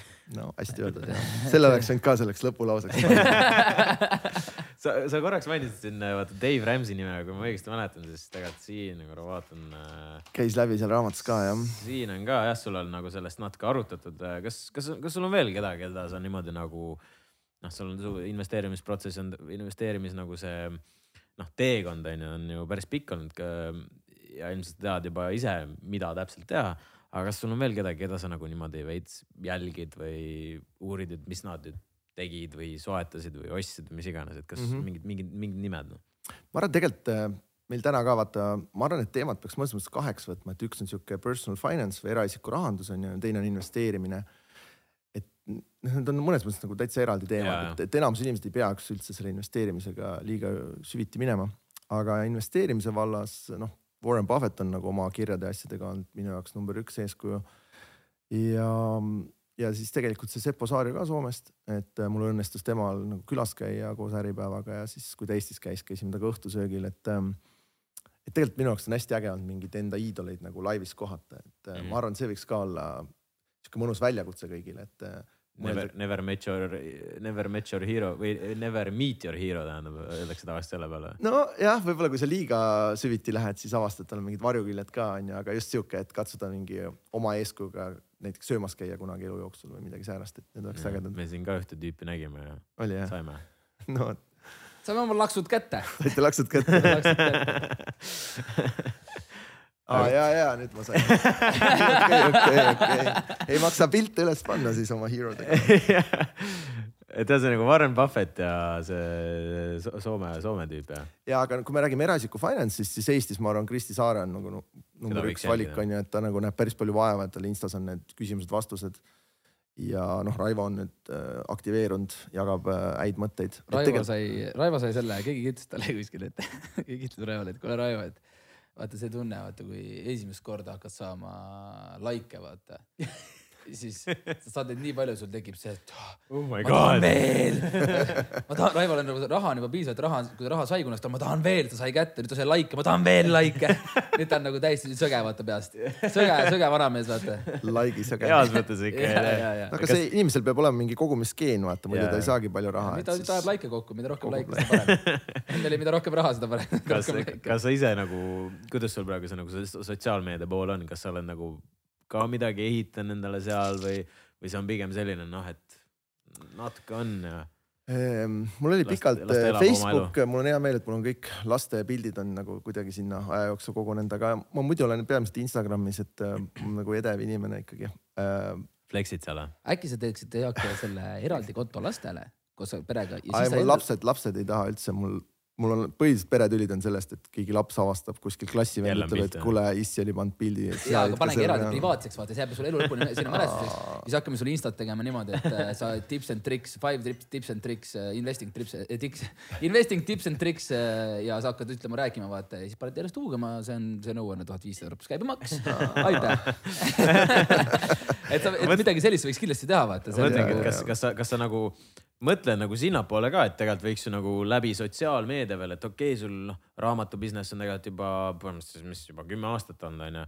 ja, ja mingid sellised käid, ma ei tea, koolitustel siin-seal onju, kas just nagu seda sotsiaalmeedia poolt, kas sa nagu ka a- ei, oled ma ikka avastanud, oled saan ka adrekat, kui likee tuleb, et Jaa. selles mõttes mul on seal ikka mingi, ma vähe, kaheksa tuhat jälgijat. vähe, mul vähe, vähe. on vähe, no mul vaata, on, palju tal on siis mul. on raha ka aga mul on vähe. rohkem kui abikaasal ikkagi. seitse tuhat, kaheksa tuhat jälgijat kohe, kohe no. näed, vot, aga teeme talle tulge nüüd kõik äh, follow'jaks. pange ja, ja Jaak Roosaar, paneme, oota, Tuesday, Tuesday tips iga teisipäev paned mingid need ja hakkad teda ja see läheb järjest huugama, usu mind. hea mõte, et see ongi tegelikult ju, sealt ju saad vaata edasi minna, kui näiteks ongi, sul on raamat, mida on vaja müüa, siis vaikselt teed siit-sealt, pamm-pamm-pamm, see on Tuesday tips and tricks jah, blä-blä-blä ja siis saate raamatust veel edasi lugeda, see tegelikult nagu see on hea. mul on hästi töötanud, mul on mingi mailing list, mis on ka vana kool ilmselt. no vana, see on, see on väga va- vana kooli, aga, Raivo aga Hein type'i. aga see, aga see, aga see, aga see toimib. Toimib. mailing list siiamaani toimib, ma ei ole Jaa. nagu, ma juba mõtlesin no reaalselt mingist seitse-kaheksa aastat tagasi mõtlesin, et kurat, et igal pool räägitakse sellest mailing list'ist ja no perse, et nagu tundub nagu nii nagu noh, et ma ise, kui mulle saadetakse mingi asi, ma nagu väga nagu ei viitsi seda avada või nagu Jaa. lugeda, onju. aga siis mingi aeg ma katsetasin seda ja siis ongi, sa vaatad mingit noh, ikka inimesed reaalselt klikkavad läbi, teevad lahti ja, ja päris suur protsent ikkagi vaata nagu. ja minul on seal vist mingi kaksteist tuhat inimest ja kui me oleme mingi kirja saatnud, siis umbes kolmkümmend prossa avab. No see on ju tegelikult okei, jah. väga okei. ja ma, vaata mõnikord küsitakse, et mis siis saab, kui sa kõik raha kuhugi ära kaotaks, et kus sa nullist uuesti alustaks, vaata, et siis kui sihuke list on olemas, sa saad põhimõtteliselt kirjutada mingi vaeseks jäämise õpik on sa ju. kirjutad, sa kirjutad. Comeback, comeback õpik. seal, vaata tavaliselt saadetakse need äh, skämm meilid, vaata, et olen Nigeeria prints, vaata, saadad selle, vaata, tahaks saada kolmsada tuhat. ei, heale inimesele annan ära, vaata. et, et äh, jah, aga ühesõnaga, ma arvan, me oleme oh, kaks tundi oleme jutustanud. Küll. et ühesõnaga rikkaks saamise õpik, neljas versioon, tuleb üle. puhas kuld, puhas kuld. kui teie seda ku- kuulete, siis see on raamat on väljas. küm-, kümme aastat siis juubel. loodetavasti nüüd siit äh, sellest raamatust äh, siis saab veel nii-öelda targemaid asju äh, teada, noh. seal saja kaheksakümne restos meil äh, see veinimees ütles, et, et ta ütles veini kohta, aga ma ütlen raamatu kohta, et sellel on Jaan Tätte topeltgarantii. www.roosaare.com, saan Jah. aru õigesti aru, või siis äh, raamat Apollo ja Rahva Raamat. ja nüüd ja, las, las veel siis meile Eestisse tekkigu veel juurde saame kõik koos rikkaid, rikkaid inimesi ja, ja, ja rahatarkasid inimesi ja eks ta, eks ta nii ole. ühesõnaga, Jaak äh,, aitäh, et sa siia meile täna tulid, rääkisid äh,. No ikka me selle kahe tunni sa- jooksul ikka, ma arvan, saime väga palju saame jagu teada. kohta rohkem teada. ma ei olegi kunagi. võrkpallist rääkinud. no vot näed. sa ei rääkinud võrkpallist, rääkisid, kuidas pingil. ja, ja, ja mina, tervitused, mina räägin. tervitused Raidule igal juhul. nii et ühesõnaga nüüd siis äh, loodetavasti see on see ka, mille pärast me teeme selliseid, selliseid indekaid, et äh, teie ka nagu õpiksite midagi, saaksite vähemalt midagigi uut teada. ja, ja ma arvan, ma olen suht kindel, et tegelikult täna saime, saimegi päris, päris, päris palju asju teada, nii et äh, Jaak, aitäh sulle, edu Aitäh, raamatu Jaak. müügiga aitäh kutsumast, ja. aitäh vaatamast. jah, mis seal ikka, teeme raamatule promokoodi ka või, läbi meie või? ai kui hea mõte. protsent meile. Mis me, kas sa saab promokoodi sisestada roosaar.com-i või? ikka saab, mis me promokoodis teeme? ma ei tea, öelge mingi hea nimi. paneme AZ Robin. AZ Robin. AZ Robin ja kolmkümmend protsenti on meie. vaata mees rääkis mees rääkis ju protsentidest protsendimehed, kui ärge olge, okei ja- vaadake need vaatajad, niimoodi ongi vaja investeerida. tee, tee, tee, aga me oleme valmis alati counter offer'iks. nii, kuulame counter offer'it. tavapärane taks on olnud kümme prossa, kümme aga protsenti on teeme., aga sa, sa vaat- vaatad ka, oot, oot, oot, mida sa teed? teeme kakskümmend. ja ma arvan, et meiesugused nagu, et noh, vaata Jaak, et ikkagi kakskümmend protsenti oleks õiglane. ja, ja Et, oota, aga kas te tahate, et läheks hind ka odavamaks ostjale või tahate lihtsalt ise pappi saada, kuidas? ja, et hind odav- odavamaks ei lähe, et hind on sama, mis sul on. aga lihtsalt teie, et Jah. kui ta paneb teie, teie koodi, siis aa, osa oot, oot, pappi oot, oot, läheb hind peab ikka odavamaks ka minema. kakskümmend protsenti ei saa odavamaks minna, see on päris palju ja, ja, aga teeme, teeme kümme, kümme, kümme prossa odavamaks, kümme prossa teile. sobib. see on ju hea No, deal. deal. okei, Nonii, handshake. sobib, kõmm, näed, protsendimehed nagu me oleme siin, nagu meile õpetati, meie õppisime ka kohe ja Aga seda seda me kohe kasutame ära, vaata, kui meile öeldakse, et tehke nii, siis me teeme kohe, kohe, see on sõna, märksõna on see, et kohe peab vaata, see on tegema. nüüd passiivne onju. Teie teete oma värki edasi, aga pappi hakkab tulema. Jaak, Jaak jälle kirjutab, kuule, võib arve ära teha, ühesõnaga minge ostke Jaak Roosaare raamatut äh, Rikkaks saame õpp-, rikkaks saamise õpik neli punkt null jah. ja mis see kood oli? AZ Robin. AZ Robin. Türgi tähtedega peab olema või? ei vahet no vahet ei ole. AZ Robin ja saate kümme protsenti odavamalt. ja, ja nagu siin legendid ütlesid, et äh, noh, kuulake meid edasi ja, ja selles mõttes, et see podcast sobib kõigile, kellel on kõrvad ja kes Jah. kuuleb. kellel, kes suudab veel kuulda. jah, nii et davai sõbrad, kuulake meid äh, Spotify'st, Apple, mis ta, mis iganes see on. Apple Music Apple podcast. podcast'ist, Patreonist toetage ja me näeme teiega juba järgmine kord. tšau, pakaa. tšau, tšau.